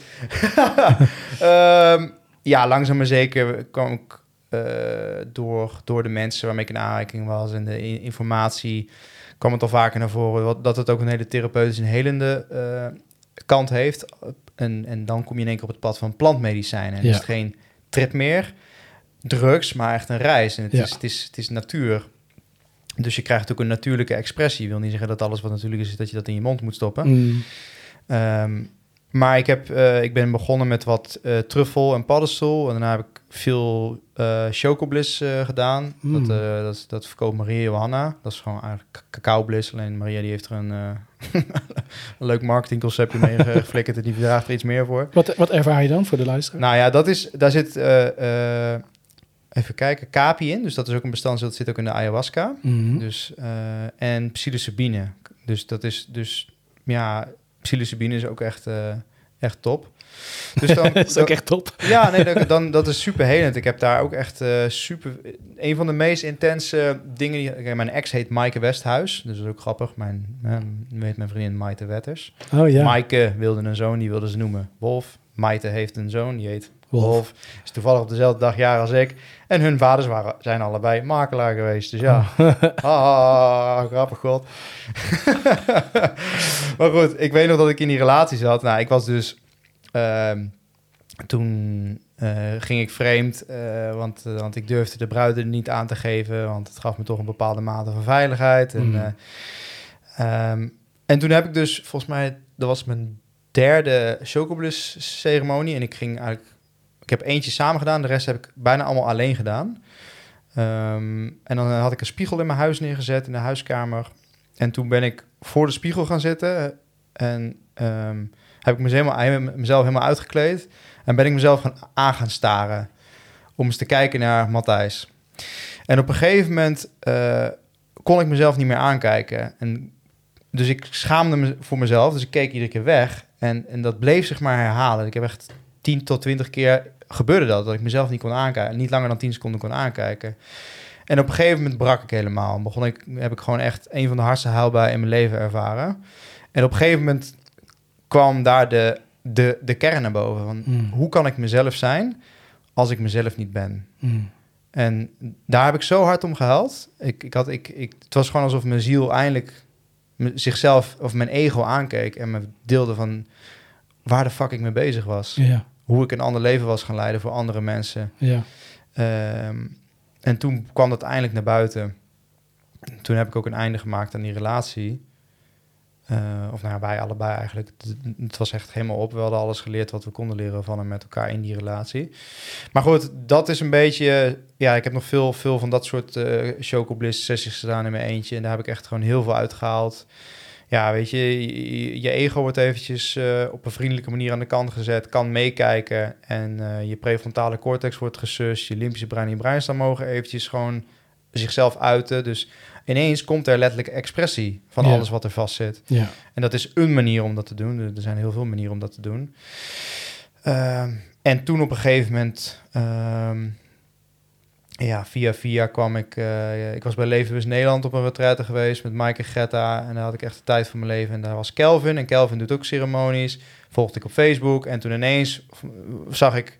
hey, eh, we hebben nog een plekje vrij. Morgen gaan wij en Wachuma doen. Hm. dacht ik, hey, ik ben erbij. Ja. het zat al heel lang, zag ik al allemaal documentaires gekeken, weet ik het allemaal. Dus het begon op een gegeven moment echt te roepen. Ja. En toen dacht ik, fuck, ja, ik ben erbij. Ja. En eh, toen heb ik Maite ook leren kennen. Nou ja, eigenlijk is mijn leven gewoon in een stroomversnelling van transformatie gegaan sinds dat. En dat is iets langer dan een jaar geleden nu. En eh, sindsdien ben ik ook echt gezondheid echt helemaal gaan belichamen. Ja. Dus ben ik helemaal in de, in de rol gestapt die ik, eh, waar ik naar op zoek was. En heb ik mezelf als gelijke, ben ik, mezelf, ben ik mezelf als gelijke gaan zien. hè. Ik had heel veel interviews in mijn eigen podcast met, met probleemoplossers, maar ik Ja. keek altijd heel erg tegen, hen- tegen hen op. Ja. Eh, want ik wilde dat ook, zeg maar. Ik wilde ook mensen kunnen helpen. Ja. Ehm, en ja, en sindsdien heb ik ja, eh, ayahuasca, eh, ook een redelijke pittige truffelceremonie gehad. Wachuma, Dus dat is, ayahuasca is, noemen ze grootmoeder, Wachuma is grootvader. Zijn Is dat de cactus? ja, mescaline. Ehm, dus dat komt, komt ook uit, uit, de, uit Amerika, Midden-Amerika, Zuid-Amerika. En ehm, ja, wa betekent uit, chuma, hoofd. Dus Mm. uit hoofd. Dus heel erg lichamelijk medicijn. Dus ayahuasca is heel kosmisch. Dus je kan alle kanten op. Je kan tijdreizen, weet ik het allemaal. Of nee, je kan heel veel leuke dingen doen. Ehm, maar wachuma is heel tranquilo en heel lichamelijk. Dus als jij bijvoorbeeld, laten we zeggen, een knoop in je maag hebt... omdat je moeite hebt om dingen los te laten... dan laat wachuma je urenlang die knoop voelen. Oh, wow. Maar, Lekker. Op een, lekker op, maar wel op een hele speelse manier. Dus Oh. kijk, die medicijnen hebben ook echt super veel humor. ja. En het is een heel sociaal medicijn. Dus Wachuma nodigt je echt uit om... Hè, bijvoorbeeld jouw eh, grootste vloek is mijn zegen. Dus dat medicijn trekt ons automatisch naar elkaar toe. Oh, ja. Zo heb ik ook een keertje meegemaakt. Bijvoorbeeld was er een man en die had zijn vrouw verloren. Ja. En die was gewoon helemaal zijn... Ja, die was echt zijn leven kwijt, zeg maar. Die Mm. wist niet meer wat hij moest. En er was een meid en die, was, die had zoveel liefde, zoveel liefde te geven. En die, wist, niet, die, die wist niet, die wilde dat meer kunnen delen met andere mensen. ja, nou, dat medicijn trok in de ceremonie die twee naar elkaar toe. Maite die zag, eh, hey, ehm, lieve Leo, je vrouw is er. Ze, ze, ze, ze is er nu via haar. En zij kon, hij kon dus communiceren via haar met zijn vrouw, Bizar. omdat zij zo graag haar liefde wilde geven Ja. aan alles en iedereen, omdat Ja. ze zoveel had te geven. Wow. Dus dat soort dingen kunnen er ontstaan in, in, in onder andere Wachuma-ceremonies. En daar wordt het ook gedoogd, tenminste bij ons, om meer sociaal te zijn. Er wordt superveel Mm. gelachen.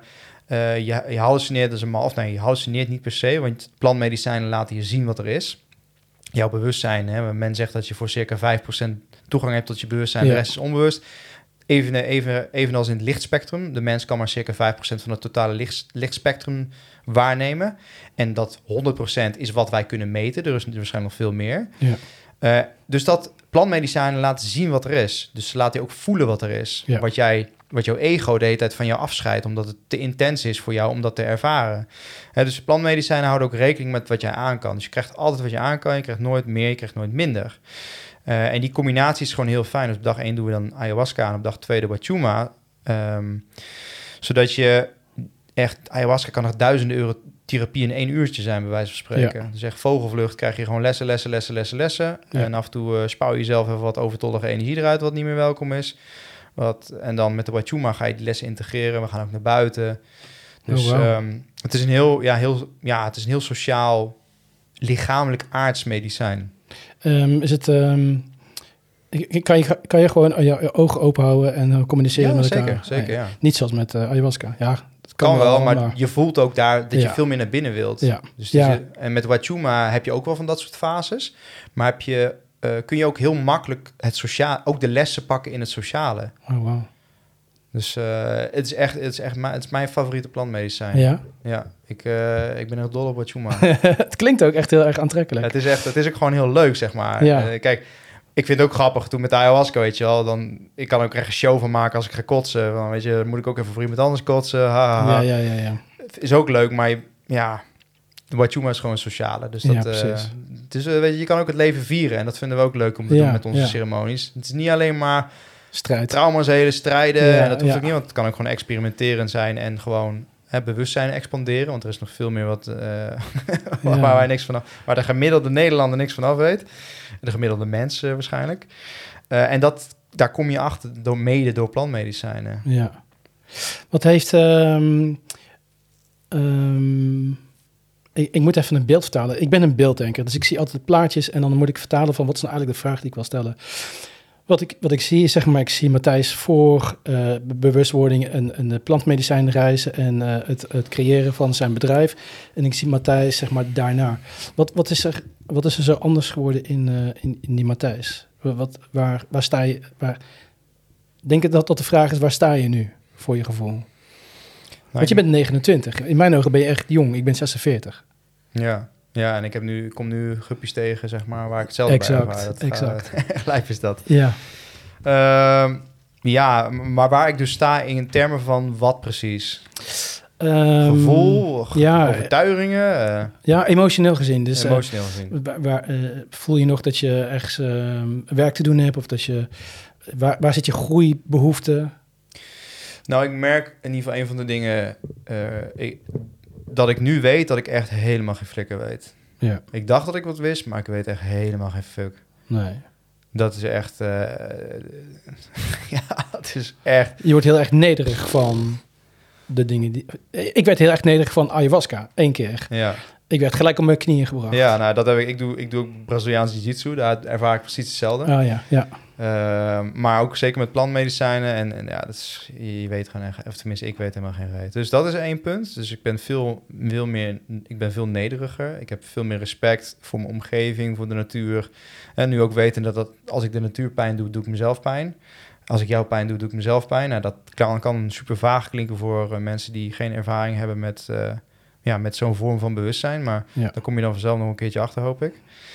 Ehm, dus ja, ja ik, ik voel me in ieder geval een stuk rustiger. De, al merk ik wel dat de, de transformatiemolen staat aan.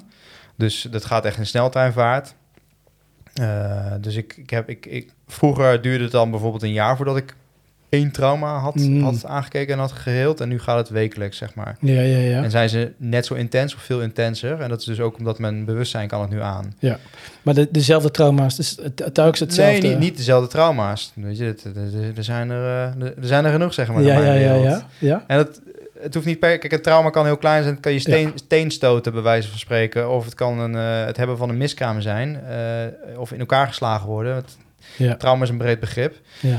Ehm, dus ja, ik voel me een stuk meer volwassen. Ik voel me meer man, omdat ik mezelf kan dragen. Ik kan eh, hè, mensen met chronische aandoeningen en, en auto-immuunziekte en chronische blessures eh, kan ik dragen naar een gezond, gelukkig en pijnvrij leven. Ehm, ja, ik- ja. eh. Poef, ja. vind, ik, vind ik een grote vraag, man. Ja, ja, ja, ja. Maar in een nutshell, ja, ik, ik ik ben zo, zo'n compleet ander mens dan, Ja. dan van toen. ja. Ik, eh, ik merk ook dat ik wat meer de afzondering opzoek. Dus ik heb ook niet meer zo de behoefte om... Kan, kan ook, op een gegeven moment heb ik ook echt vrienden achtergelaten... die ik in Tiel, zeg maar, heb opgedaan. Ik had al, toen ik verhuisde naar Nijmegen voor mijn studie... had ik sowieso de behoefte om niet terug te gaan. Want ik wilde heel stellig op mezelf kunnen zijn. En dat heeft, dat heeft, heeft ook wel meer dan een jaar geduurd. Dus ik heb me ook echt heel kut gevoeld en eenzaam.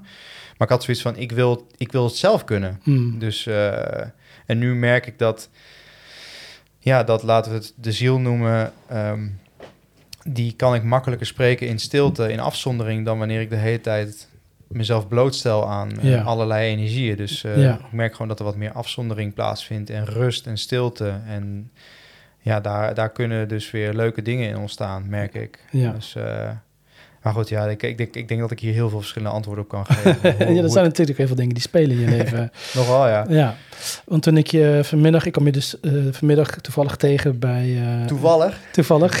Zeg dan, zeg dan maar tegen God. Geloof je in God? Eh, ja, alleen dan wel God met, met hoofdletter G, hoofdletter O, hoofdletter D. Ja. Dus niet per se... de christenen schrijven met het hoofdletter G en dan kleine OD. Mm. Ehm, wat overigens wel grappig is. hè. Je hebt God, Allah, Krishna. ehm, allemaal A. Dus dat Mm. A is zeg maar... Hè, men zegt ook in de, in de Bijbel van... ehm, and, and then there was the, the, the word of God.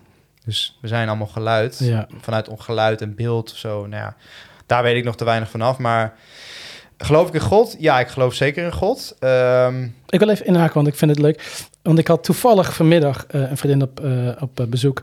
En we hadden het erover, want wij volgen allebei. En zij is ook met hem naar Egypte geweest. Matthias de Stefano. oh, dope. En ehm, wat hij dus ehm, vertelde, dat er in de, in de oudste versies van de Bijbel, dus de verder voor die wij nu Mhm. kennen, Ja. wordt heel duidelijk omschreven dat het ontstaan van het al, dus de manier zoals de bron zich uitte, zoals God zich uitte, was via klank. En de eerste eh, klank was volgens mij, zoals zij het uitleggen, het oom, maar dan niet zeg maar zoals wij het kennen, OHM, maar ehm, alle klinkers, dus Mhm. aum. Ja, Ja. ja, ja. En, met die vibratie is zeg maar alles eh, gemanifesteerd. Mhm. Omdat je net zei van, eh, eh, wij, zijn, wij komen allemaal voort uit. Ja, ah. Ja, ja dat zeg ik zelfs. En dat is ook wat ze zeggen van... When je, je hebt bijvoorbeeld in het shamanisme heb je...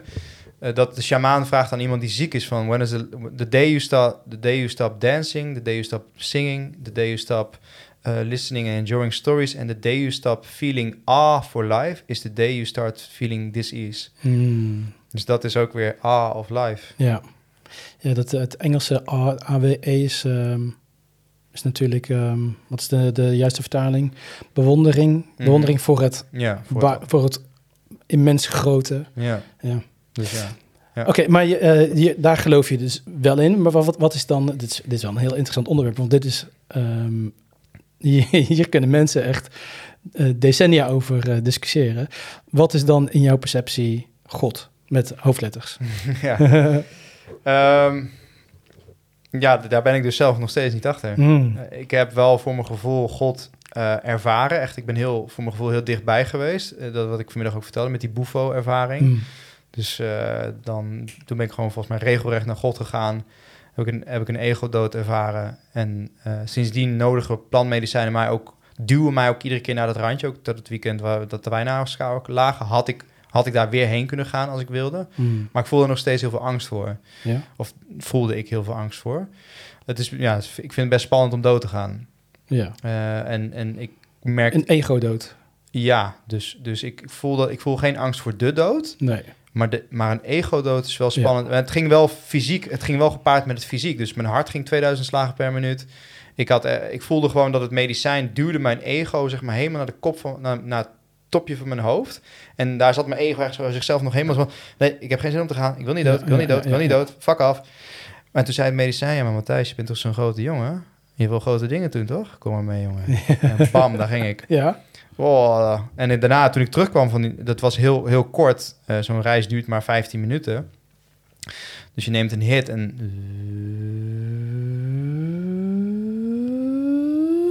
En echt alles vertraagt en vervormt. En ja, je wordt gewoon vormloos en je gaat gewoon. eh, ik weet niet waar je heen gaat. 15 minuten. Maar, voor mijn gevoel, ja, het, het kan tijdloos zijn. Dus sommigen ervaren dan bijvoorbeeld een uur of uren. Ja. Want tijd bestaat niet. Nee. Dat is ook maar een concept. Ja.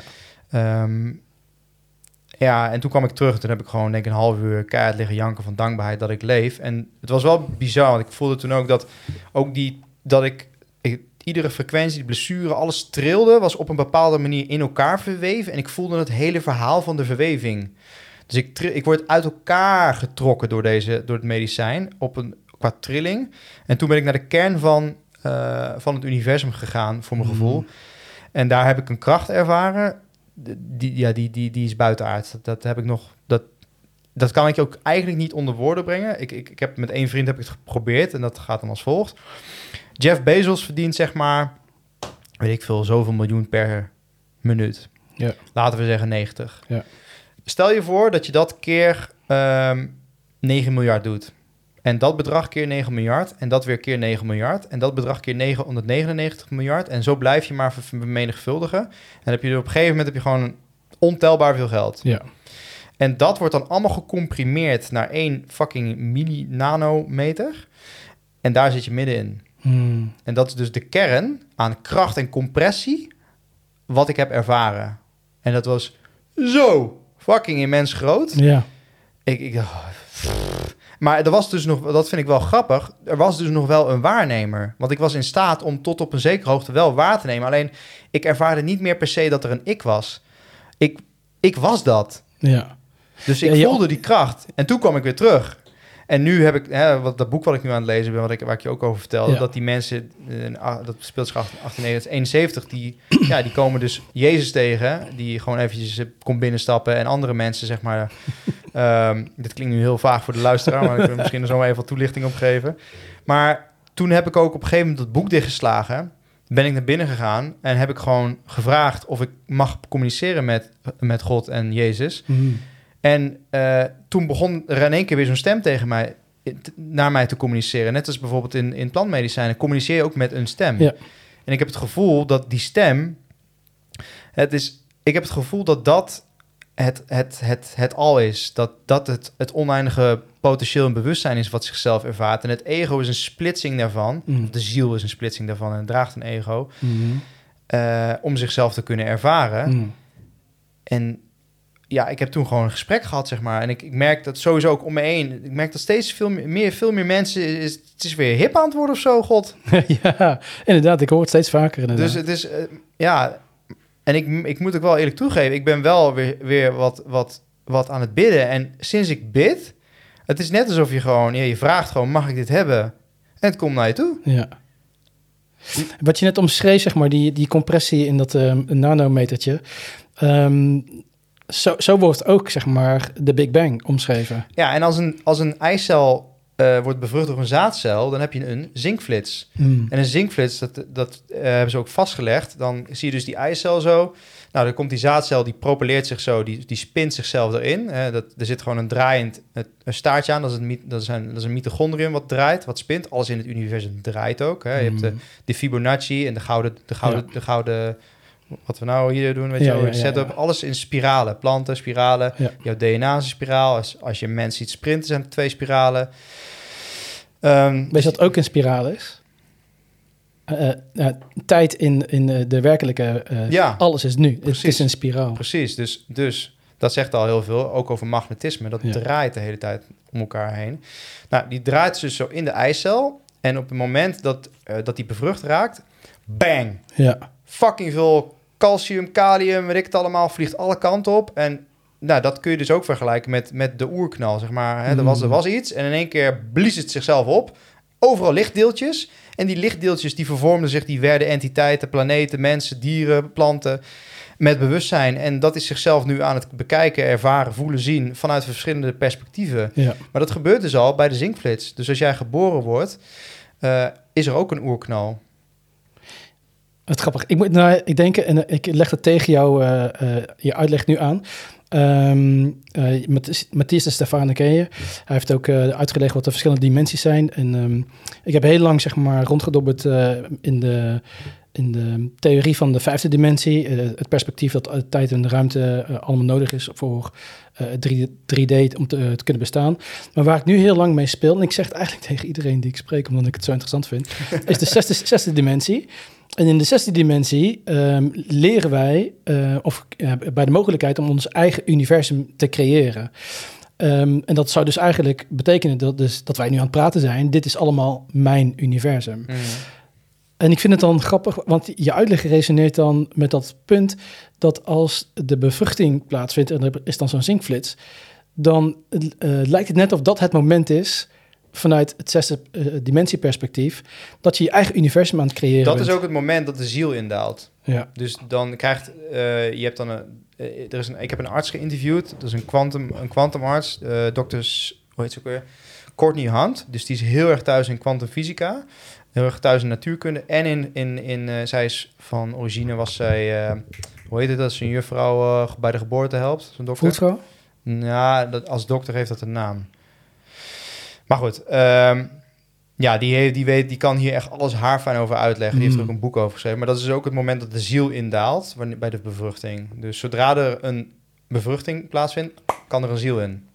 Kan er een ziel in. Ja. Of komt er eigenlijk, daalt, er er, een daalt ziel er een ziel in en krijgt hij een ander magnetisch veld. En een eigen Higgs-field. En dat Higgs-field heeft weer te maken met Mm. zwaarte in tijd en Ja. ruimte. Dan wordt het een hele. ehm, ik heb natuurlijk deze vraag gelijk eh, op, de, op de rand van mijn lippen liggen. Als de ziel binnenkomt op het moment van bevruchting, hoe staan we er als mensen dan tegenover abortus? Nou ja, hoe staan we er als mens op? Of hoe, hoe sta ik erop? Eh nou, je mag het persoonlijk maken. Dus, eh, Ja. Hoe sta jij er tegenover? Ehm.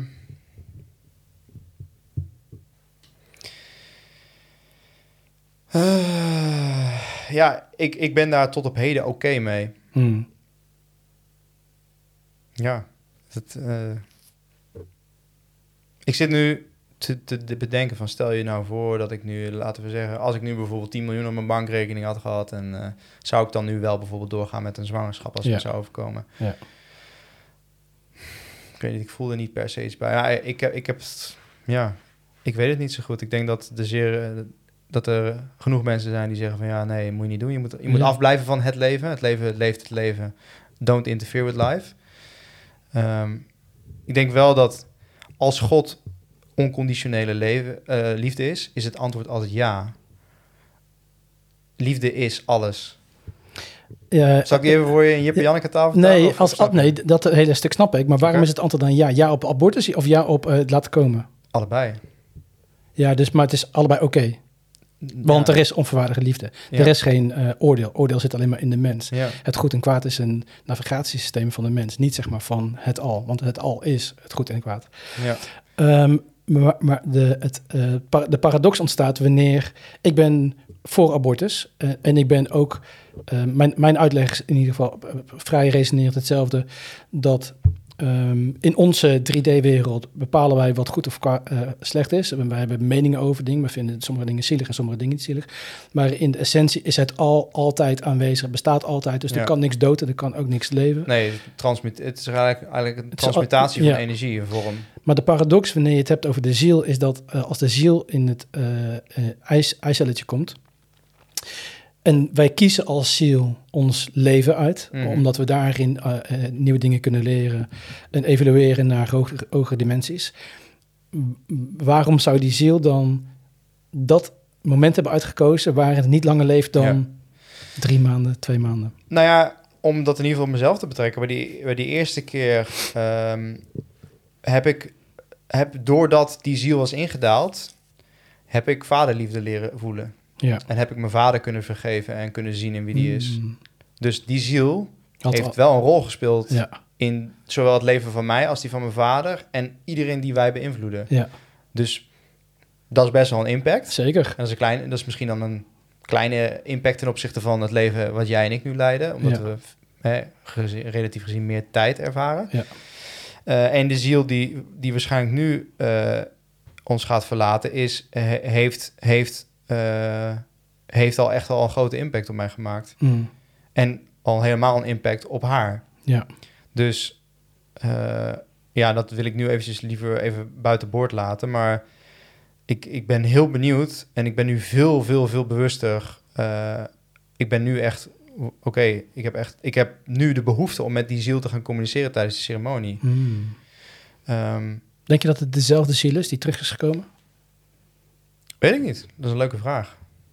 Maar je, je, je, hebt, je hebt behoefte om te gaan communiceren. Nou, wat grappig is dat, kijk, die eerste keer, eh, als die geboren zou zijn, zou die op dezelfde dag geboren worden als ik. met- Mm. En deze zou op dezelfde dag geboren worden als, als Ja. Maarten. Dus dat is ook al humor, toch? Ja, dat is humor. Maar bij jou zijn die synchronies, eh, syn- synchronicities eh, best wel aanwezig. Ja, Wat je vertelde over eh Maaike Wetters en Maarten Wetters. Maite Wetters. Maaike, Ja, ja, ik allebei. MW. Ja. Ja, het is best wel een... ehm, ik denk naarmate we bewuster worden en naarmate we meer duiken in de, de, de kennis van... Waar, waar hebben we het nou eigenlijk over? Het universum, het al, het, hele, de dynamiek van het bestaan, zeg maar. Hoe... ehm, ik in, in ieder geval kan, kan zeggen dat ik meer aan het kijken ben naar wat brengt het mij als ziel? Wat, wat leer ik hieruit? Zonder oordeel van inderdaad, dit is eh, niet goed om een abortus te doen, of wel goed om een abortus te doen. Of, maar ik ben de creatie, die zesde, univers, eh, zesde dimensie. Ik ben de creator van dit eh, universum. Ik ben de creator van dit leven, van deze ervaring. Dit is mijn zielsleven. Mijn enige taak is hier om mijzelf als ziel en het leven te ervaren door de manifestaties. Want ik manifesteer Mm. mijn ervaringen. Dus dat is eigenlijk continu maar die, die riedel die ik in mijn hoofd heb van... als iemand mij vraagt, wat vind je ervan? Dan gaat het bij mij in mijn hoofd gelijk van... oké, maar wat, wat, wat voel ik als we het hebben, als ik zoiets meemaak? Hm. Wa- Want ik heb ook een, eh, ehm, een vriendin gehad. Ik was 24. Zij was zwanger en we gingen, uit, eh, we gingen nog niet uit elkaar, maar ik voelde al wel dat ik uit elkaar wilde. Zij zei, ik ben zwanger. En toen zei ik van, het- als je het wil houden, dan ik ben er altijd voor je. Maar ik was al van plan om uit die relatie te stappen. En dus we, hebben toen een abortus eh, ehm, gepleegd. En het enige waar ik nu met deze kennis naar kijk is... wat heeft mij als ziel gebracht? Waar, waar ben ik naartoe gegroeid? Waar, wat, wat, waarom heb ik het gemanifesteerd? Hm. Dus ik ben niet meer zo bezig met oordeel. Of daarom ben ik ook uit de strijd gestapt van die hele corona shit. Het was Mm. zeg maar het 3D-strijd. Maar dat is niet mijn, Jouw niet de strijd. les. Wat Ja. haal ik eruit? Hoe groei ik? Snap je best ook wat ik Ja, bedoel wil zeker. zeggen? Ja. En nu speelt het natuurlijk heel erg die, eh, het hele abortusverhaal, omdat in Amerika is die dingen... Ja, dat hoor ik. Ja, ja. Ik, ik heb trouwens wel, want Maite die heeft wel echt heel veel fysieke klachten gekregen door, Mm. de, be- door de bevalling. Alleen nu bij, de, bij de, of sorry, bij de bevalling, bij de zwangerschap. Ja. Nu ervaarde ze wel een, een soort, een, heeft ze een energie ervaren die ze nog nooit eerder heeft ervaren. Dus Mm. Een enorme harmonie en geluk. Eh, normaal kent ze alleen maar kotsmisselijk. eh Ja. Voelde ze dat het eigenlijk niet helemaal top, niet helemaal klopte, zeg maar. Ja. En dat had ze nu voor het eerst in haar leven niet. Dus toen zei ze van ja, dus als, het, als ik me zo blijf voelen, dan hou ik het kind. Ja. Maar er is nu weer extreme misselijkheid en, en, en on, ja, eh, onprettigheid. En ik weet niet of dat erbij hoort, daar heb ik echt geen verstand van. Ik heb nog nooit een kind gekregen. Nee. Eh, ik heb er ook niet veel over gesproken met mensen. En ik, mijn cliënten zijn met name mannen. Oh, Ehm, dus daar kan ik helaas ja, niet op levelen, zeg maar. Of daar kan ik weinig zinnigs over zeggen. Maar goed, dus, dus voor haar is het niet alleen... eh, dus ja, eh, Ja. Het, het, het komt niet uit. Dat is één. Twee, ze wordt er fysiek helemaal naar de, ze gaat helemaal naar de kloten. C, daarom kan ze geen geld verdienen en voor haar kinderen zorgen. Ja. Want dat moet ze alleen doen. Want ze is onlangs eh, hè, is, Ja. is, eh, is definitief afscheid genomen van de ex-man. Dus ja, er zit, er zit, er zit een heel stuk aan, aan, eh, aan geplakt. En ik ben dus, dat, daar moest ik dus net, net, net aan denken. Die zin van jou, die Mm. jij vanmiddag en jij en Saskia deelde van, kan je het dragen? ja. Ik ben nu niet in staat Nee, om haar kinderen, haar en dan nog een kind te gaan dragen. exact. Dus, dus nu wel, als ik, als ik dat zou omdraaien, oké, stel ik zou wel in staat zijn om te dragen, zou ik haar dan die bedding geven? Dan is het antwoord 100% ja. Ja. Dus eh, ik heb ook gemerkt dat zij was nu zo stellig en statig van, kijk, ik ga het houden en eh, ik vind het leuk als je erbij bent, als je erbij wil zijn en eh et cetera. Maar jij, jij gaat niet over mijn lichaam, jij gaat niet over dit besluit. Dus ze heeft wel heel stellig gezegd van ja, eh, ik, ik hoor je, ik luister naar je, Mm. maar ik ben degene die de call maakt. Het is mijn Ja. lichaam. Ja. Dus dat vind ik wel, ik denk wel een, een, een mooie notitie voor vrouwen om wel dit soort dingen zeg maar helemaal te doorvoelen. Zeker. Eh, Ja. en ja, nogmaals, als ik dus wel de draagkracht eh, heb Ja. gehad, dus ook weer een, laten we zeggen, een belemmerende overtuiging, Ja. die mijn eh, leven in, de- eh, in de weg zit. En dat is ook misschien weer een les die ik mag leren via, via deze ziel. Maar snap je, dat is, dat is het. Tenminste, vanuit mijn perspectief is dat het. Ja, Want, want eh, van, vanuit een afstand bekeken, heb, je, heb jij ehm, genoeg draagkracht? Alleen, we hebben allemaal onze overtuiging van... ja, dat kan ik niet aan, dat komt nou niet uit... ik heb nu niet genoeg geld. ja. Terwijl we eigenlijk al een paar keer tegen elkaar gezegd hebben... in deze aflevering, maar ook eh, in andere momenten... Het, het universum zorgt ervoor dat je krijgt wat je nodig hebt. Ja, en dat Dus- is ook dat, dat boek dus wat ik nu aan het lezen ben. Dat is eigenlijk toch wel even fucking vet om uit te leggen. ja, ja, ja, ja, leg even uit. Die gast, dat zijn dus een stel, stel onderzoekers, metafysische onderzoekers. Speelt zich af rond 1871. Gaan naar eh, het Himalaya-gebergte, India en andere streken. Komen daar een stel me- meesters tegen, zoals ze dat noemen. Nou, die vinden het leuk om hun manier van leven uit te leggen en te laten tonen. En eh, nou, dat, dat gaat al snel dat iedere pagina vol staat met vijf what the fucks. Hm. Eh, nou, hè, ze, ze maken van alles mee. Mensen die, eh, hè, dus dingen die in de Bijbel staan beschreven. Dus zij, zij leggen ook al vrij snel in het boek uit dat Jezus heeft bestaan. Hm. Ik moet ook de hele Hans Theo zeggen als ik Jezus zeg. Jezus heeft schelen gelaten. maar ehm, ja, echt evenementen dat mensen ongeneeslijk ziek zijn. Tikken ze aan, beter. Weet je wel, komen ze in een tempel die niet gebouwd is door mensen. eh, en, en dan in één keer, hup, eh, alles toppie, zeg maar. Lopen over water heen, maken zo brood als ze honger hebben. eh, Ja. eh, betalen met geld, wat, wat weet je... Zij, ze zijn dus ook de hele tijd dingen aan het benoemen die wij al nu binnenkrijgen. Hè? Eh, visualisatietechnieken, voelen hoe het is om dat te voelen. En zij, zeggen, zij stellen dus dat in een periode heeft het ego het loopje genomen, genomen met de mens. Is het ego gaan geloven dat het ego God zelf is. Dus is de mens zijn macht en zijn goddelijke krachten zeg maar, gaan misbruiken. Ja. En dat that's not the game, zeg maar, Ja. for, God. Zeg Ja. maar. Dus dat is wel grappig. Dus God laat het allemaal, vindt het allemaal oké dat je dat doet. Maar daarmee verlies je dus wel het goddelijke. Ja. Ehm, en is het ego doorgeslagen en is er een hele wereld gecreëerd in die, in die, ja, in die, in die realiteit... waarin we als het ware die krachten verloren zijn. Ja. En zij, zij maken dus gewoon... Het begint met dagen, daarna wordt het weken... en ze blijven maanden, jaren bij die mensen. Eh, dat ze gewoon constant maar bizarre mirakels meemaken. Hm. En eh, de- die gasten die zijn dan... En dan zijn ze verspreid. Er staat bijvoorbeeld... eh, persoon A staat bij tempel B. Persoon B staat bij tempel eh 4. En dan geeft hij bijvoorbeeld een briefje aan Ili, zo heet een zo'n gast dan. Die zegt, oké, en dan verdwijnt hij ineens. Gewoon zoep, ineens. Stel je voor dat jij nu gewoon verdwijnt. Ja. En je bent nu in één keer aan Parijs. Ja. Dat soort shit kunnen die mensen. Ja. Dus hij is dan in één keer bij Tempel 4. Geeft dan het briefje aan die peer. Die gast noteert hoe laat hij hem zeg maar ziet. Ge- ge- en dan dat soort statistieken zijn ze dan aan het uitwisselen met elkaar... om te kijken of het klopt. Dat hij dan in één keer daar is. Ja. Of dan hebben ze een hele tocht gemaakt van dorp A naar dorp B. Zijn al die dorpelingen super blij dat daar een, dat een van die meesters er weer is. Eh, lopen ze naar het bos. Gevaarlijke dieren, eh, insecten. Eh, niks, niks valt die mensen aan. Want ze, stellen dus dat zij in het Christusbewustzijn leven. Dus een en al, ze, ze radiëren liefde. En liefde wordt niet aangevallen. Ja. Dus ook eh, roofdieren en, en, en, en, en, en ze, ze hebben het ook over agressieve mensen. Die doen niks bij hen. Het alsof ze onweerbaar, alsof ze gewoon niet, niet ja, ze hoeven zich niet te weren, want ze zijn de liefde zelf. Ja. En dan vervolgens komen ze bij een lichaam en dan denken ze, holy fuck, er ligt een dooie. In één keer verdwijnt die gast woep, en wordt hij wakker. Hij had even een paar maanden liggen transcenderen, zeg maar. Ja, ja, ja, ja. En hoe heet het boek? De meesters van het Verre Oosten. En de, de mensen waar je het nu over hebt, die je nu uitlegt, dat zijn wetenschappers. Ja, dat zijn dus dat zijn gewoon academische breinen. Dat zijn gewoon mega zware, ja, eh, left brain dominant figuren, zeg Ja. maar. Dus dat is gewoon natuurlijk de ultieme grap, dat, dat daar een stel onderzoekers komen die gewoon niet weten wat ze meemaken, Nee. maar gewoon, het wordt op een gegeven moment normaal voor hen. Ja. Holy shit. En dan op een gegeven moment, dan omschrijven ze dus ook, dan eh, komen ze een man tegen in een tempel, die is dan overleden. En dan gaan ze, dan trekt een van zo'n peer op een gegeven moment van, nou, die- ze leggen ook de hele tijd uit waarom die mensen dit dan doen en wat voor staat van bewustzijn ze verkeren, waarom het hen overkomt. Dat zijn dus mensen die zien eruit als een 18 jaar of een 30 of 40 jaar, maar die zijn dan 300, 400, 500, 600, 700, 800 jaar of 1000 jaar oud. Ehm, ja, en dan op een gegeven moment dan, eh, dan hebben ze bijvoorbeeld een meeting en dan begint komt er ineens overal licht, de temperatuur stijgt. Al die mensen hoeven ook geen, hoeven, hoeven geen jassen te dragen, want ze hebben het, al, ze hebben het comfort- comfortabel. Eh, ze horen in één keer stel engelen zingen. Soms zien ze ook zo'n ring boven het hoofd van zo'n persoon. Dus gewoon al die verhalen die jij in de Bijbel hebt gelezen, Ja. of in de Koran, of eh, Ja. weet ik veel wat.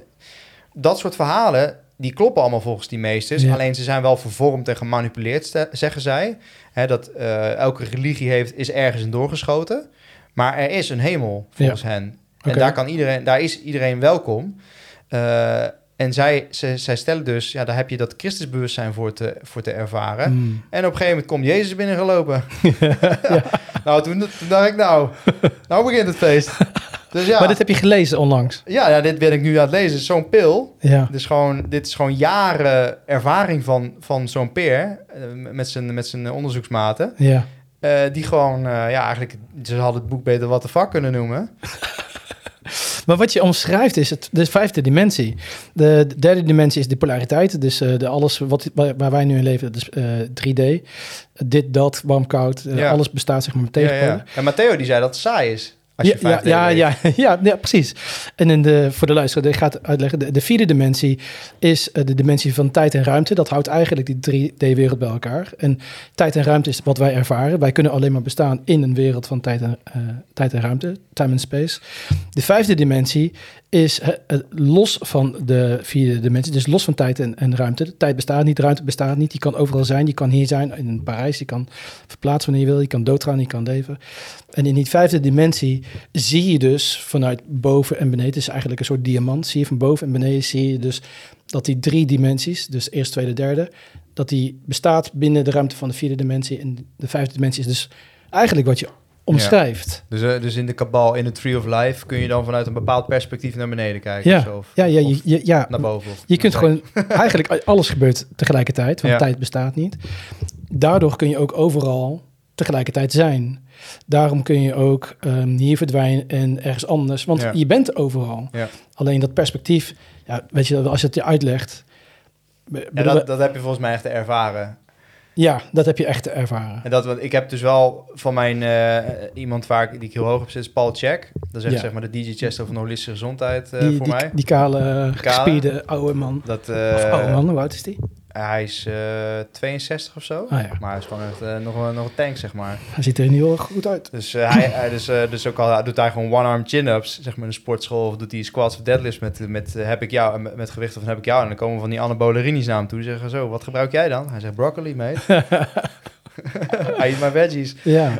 hij heeft ook een podcast, hè? Zeker, ja. Dat is echt, als je, als je dit interessant vindt, dan Ja, eh ja, Living ja. for D met Paul Checks. Echt crème de crème. Maar goed, ehm, hij heeft dus ook wel verha- Hij heeft ook heel veel van dit soort verhalen. Hij heeft, ook de, de, hij heeft heel veel religies helemaal van, van A tot Z bestudeerd. Eh, eh, heel veel yogis en dat soort mensen. Hij heeft echt heel veel oude literatuur ook staan. Hmm. En, en eh, en bijvoorbeeld Rudolf Steiner heeft ook van alles voorspeld. De Maai's hebben van alles voorspeld. Eh, Er zijn heel veel culturen die hebben zoveel meer wijsheden dan wij vandaag de dag bewust tot ons hebben. Ja.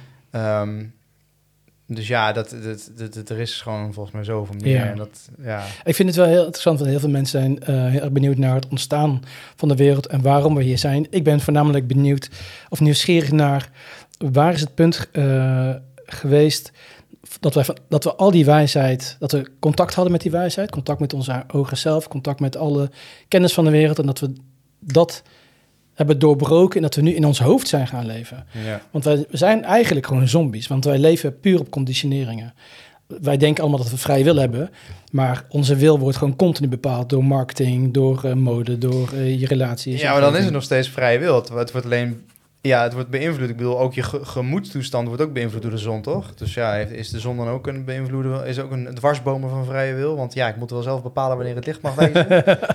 Nou ja, ehm, als je het hebt over vrij wil, is eh, bijvoorbeeld, ehm, ehm, ja, moeilijk. Noem, noem eens wat wat je in je dagelijks leven doet. De, eh, ja, ik ik, ik eet vanavond eh groente met dit en dit en dit. Het is eigenlijk een conditionering dat jij bijvoorbeeld broccoli gaat eten met kip en met eh, aardappelen. Want ehm, als niemand ooit tegen jou verteld had dat eh, broccoli gezond is en, en aardappelen, dan had je er misschien noten zitten eten. Ja, maar nu zit je dus op een 3D-manier naar bewustzijn te kijken. Want je wist Ja, maar van dat, ze- tevoren dat, dat zeg ik. Wij, dus hoe kan het zijn dat wij dus nu zo in ons hoofd aan het leven zijn, weg van het bewustzijn? Waar is dat gebeurd? Waar Nou, is die... daar, heb ik, daar heb ik een theorie over. Ja, Ehm, tijdens mijn laatste ceremonie zat er steeds zo'n yin-yang logo voor me te spinnen. En eh, ik was toen ook echt de heet aan het ship, shapeshift en ik zat in verschillende dimensies en ik werd helemaal, helemaal ja, ik had echt het gevoel van, zo, nou, als ik, als een, dit zal wel dan een zenuwinzinking zijn, zeg maar. als je brein het niet meer aan ja, dat was echt intens. En we waren nog niet eens op de helft, toen vroeg ik, mogen we wel fruit eten? Eh, maar we zijn nog niet eens op de helft. Tering, godverdomme. Ehm maar goed, omdat we dus in een, in een polaire, in, hè, in een, dualisme, in een dualistische realiteit eh, gedeeltelijk leven, dacht ik, oké, ik ben blank. Ehm, ik woon op het noordelijk halfrond. Hm. Op de polen, hè, naarmate het kouder wordt, het wordt ook kouder. Dus wat is kou? Naar binnen trekken, verkramping. En wat is warmte? Is uitdijen. Hm. Dus, hè, dat- dat is ook dat dualisme. Dus hoe hoe kouder het is, hoe witter je bent. Want dat, hè, dan kun je makkelijker zon, zonlicht tot je nemen en vitamine D produceren. om- Ja. heeft met melanine en melanoom te maken. Eh, even met melanine. Dus toen had ik ineens het idee, oké, dus als bewustzijn zichzelf ervaart... en dat doet het mede door dualisme... net zoals dat jij bijvoorbeeld eerst midden in een trauma zit... en Mm. dan ineens word je wakker en doorzie je het trauma en doorzie je het patroon. Maar dat, je hebt eerst midden in, in dat patroon te staan... anders ervaar je het... anders heb je geen genot van het ervaren van dat wat je hebt. Dus toen bedacht ik, oké, dus als Great Spirit zichzelf via mij dan wilt ervaren of via de mens, dan heeft het dus zeg maar de verkramping zijn de polen, dus het noorden, het koude, de blanke mensen. Blanken zijn ook veel egoïstischer en narcistischer dan mensen die rondom de evenaar wonen. Daar is altijd overvloed. Ja, In het noorden heb je veel meer schaarste. ja. Want er is kou en misschien heb je één dier in zoveel, me- in zoveel vierkante meter rondlopen. Dus er is minder eten. Ehm, en dat, omdat je dan zeg maar als bewustzijn, als mens zijn, als ras, dat ervaart, die schaarste, langzaam kom je erachter dat dat dan niet je van het is of zo en wil je iets anders. En trek je naar het zuiden toe, of naar de hitte. Wat word je dan? Dan krijg je weer een kleurtje. Ja, Dus langzaam maar zeker word je steeds zwarter en zwarter en zwarter, omdat je hebt te weren tegen al dat zonlicht. Ja. Dus letterlijk, de zon is het licht. de mens die rondom de Evenaar woont, die is pikzwart. Wat is dat? Yin-yang. Ja. En, de verder, en aan de andere kant is het precies andersom. Is er veel minder licht en we zijn die mensen lijkbleek. Ja. Want anders trekken ze geen licht meer op, zeg ja. maar. Ja. En dan geeft de maan, bij wijze van spreken, het, het meeste licht. Dus ik dacht, je, je- een blanke persoon rooft, rooft elektronen, heeft, heeft veel meer lading nodig, heeft veel meer energie nodig dan iemand die rondom de Evenaar woont, want er is de hele dag energie. Ja. Dus eh, iemand in het noorden moet bij wijze van spreken, als ze dezelfde activiteiten zouden doen, moet iemand op het noordelijke halfrond of het zuidelijke halfrond veel meer eten dan iemand die rondom de Evenaar woont. Ja. Dat is allemaal elektromagnetisme. Ja. Dus ja, dat, Er zijn ook veel, dik, veel meer, in mijn beleving zijn er ook veel meer dikkere mensen in de blanke westerse wereld dan rond de Evenaar. Dat weet ik niet per se, maar... ik dat- weet niet of het feitelijk zo dat, is, maar als, als ja, ik... Als, ik- als, als, je- als ze niet dezelfde troep eten, vreten en, en zonnebrillen dragen en, eh, en voor Ja. de computer zitten de hele dag, dan... eh, Maar, maar als het, het, ik zit nou even naar mijn eigen conditionering te kijken, want dat is vaak omdat het gewoon ingeprint is. Maar als ik denk aan eh, dikke mensen, dan zijn het altijd blanke mensen. En niet zeg maar heel nou, veel. ik weet niet of jij wel eens mokro's en Surinamers hebt gezien in Nederland. ja, maar in Nederland. nou ja, ja, ja klopt. Ja. Nou ja, ik denk dat overal waar, waar ze dezelfde stimuli hebben, hè, 5G en dezelfde troep en Ja. eh, eh, dezelfde mate van verwestering. Eh, er is een tandarts en een kaakchirurg, Dr. Weston A. Price, die is, die is, al een tijdje, die is er al een tijdje niet meer in het fysieke dan. Die is de hele wereld rondom gegaan om mensen te onderzoeken in hun natuurlijke habitat. En die heeft dan gekeken naar hun gebit en het gebit, gebitstructuur en musculatuur. En die kwam er toen achter dat eh, de stammen, de Inuit en de Aboriginals en de Hadza, die eten zeg maar van de natuur met de natuur. Mm. En de verwesterde diëten, die kregen allemaal gaatjes, eh, gingen door hun mond ademen, kregen eh, ja, goede kaken, ge- gezichtstructuur gingen door... Ja, die- die werden gewoon langzaam maar zeker takelden af. Dus, Ja. dus dat boek heet ook volgens mij A Nutrition and Physical Degeneration. Eh, dus hij heeft aangetoond dat, zeg, dat zeg maar, de mens door dat verwesterde dieet gewoon helemaal naar rasmode is gegaan. Ja. En ehm, hij is een, le- een leuke metafoor. Eh, op een gegeven moment had je een sheik in New York en die kocht een dierentuin over. Die haalde allemaal leeuwen, eh, kocht hij over. En die gingen die dan de beste ribeye en steak geven, zeg maar, die er was. Want dat was zijn menselijke manier van het beste geven. Nou, wat gebeurde? Die leeuwen die werden doodziek.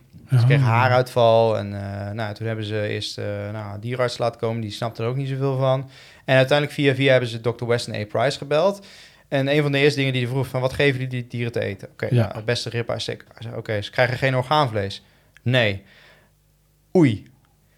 Wat doen, wat doen dieren als ze een, een ander dier openrijten? Gaan gelijk voor de organen. Ja, Wat zit er in organen? Alles wat je nodig hebt. ja, Echt, ieder, alle macro-micronutriënten die jij nodig hebt als, als, als, als dier, zitten daarin. ja. Daarom gaan roofdieren altijd voor de organen als eerst. Dat Mm. That's where the money. En wat doen wij in het Westen? Wij vreten alleen maar spiervlees. Ja. Dus daar zitten geen vitamines en mineralen in. Nee. Wat heb je nodig? ja, je hebt alles nodig, maat. maar wat zeg je net dat we organen moeten gaan eten? Eh, ja, dat is wel, het is wel gezond, ja.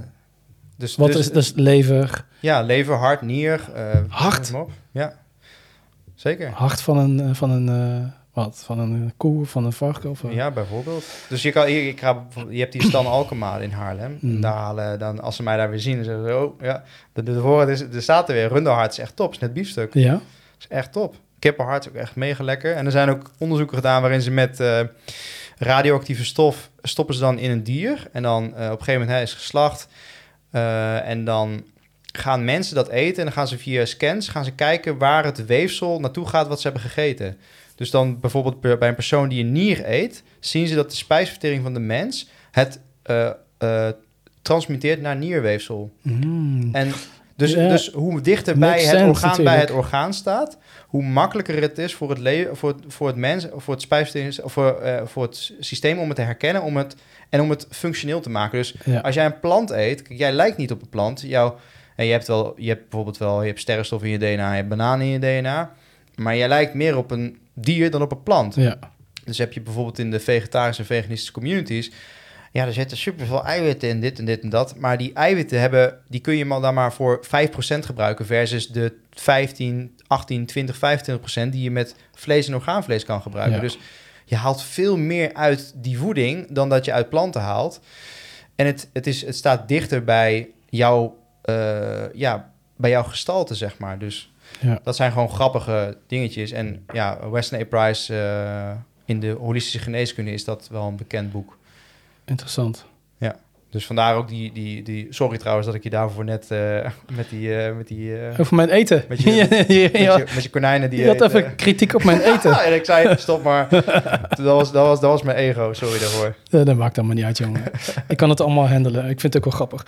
Ehm, mensen die mij volgen op Instagram, die weten dat ik nu drie, vier weken geleden begonnen ben met anders eten. En mensen die mij kennen, die weten... Ik had gewoon, ge- nou, nou, niet geen rem, maar ik had gewoon, ik had gewoon eh, Twix en Bounties Ja? en friet en eh, Ah, noem maar friet doe ik ook wel, met Twix en Bounties. Ik dat, eh, vrat dat alles. Ik vrat alles, jongen. Alles. Afhalen, bezorgen, noem maar op. Het, het, het, het kon niet op. En op een gegeven moment zei ik van... ik wil van mijn uh, vatsige lijf af, ik wil afvallen. En ik was al sowieso al bezig met hardlopen, marathontraining. En ik was, ging naar CrossFit en ik zag mijn spieren groeien. Maar dan denk ik, ja, die buik die zit in de weg. Ik moet er gewoon vanaf.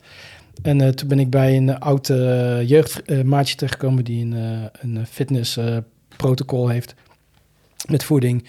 En ik eet nu alleen maar groenten en een klein beetje fruit, nog niet eens alle fruit. Kip. En misschien ga je nu over je nek, maar heel veel supplementen. Heel veel uh, caseïne, creatine, glutamine, BCAA, um, wei, um, havermout in poedervorm, wat heel erg clean is. Dat eet ik dan 's ochtends en 's avonds. Ik val in ieder geval als een motherfucker af. En ik merk dat mijn spieren niet afvallen. Dus als ik uh, sport, het, het, lijkt dat ze uh, groter worden. Maar dat zal misschien toning zijn doordat het vet uh, verdwijnt.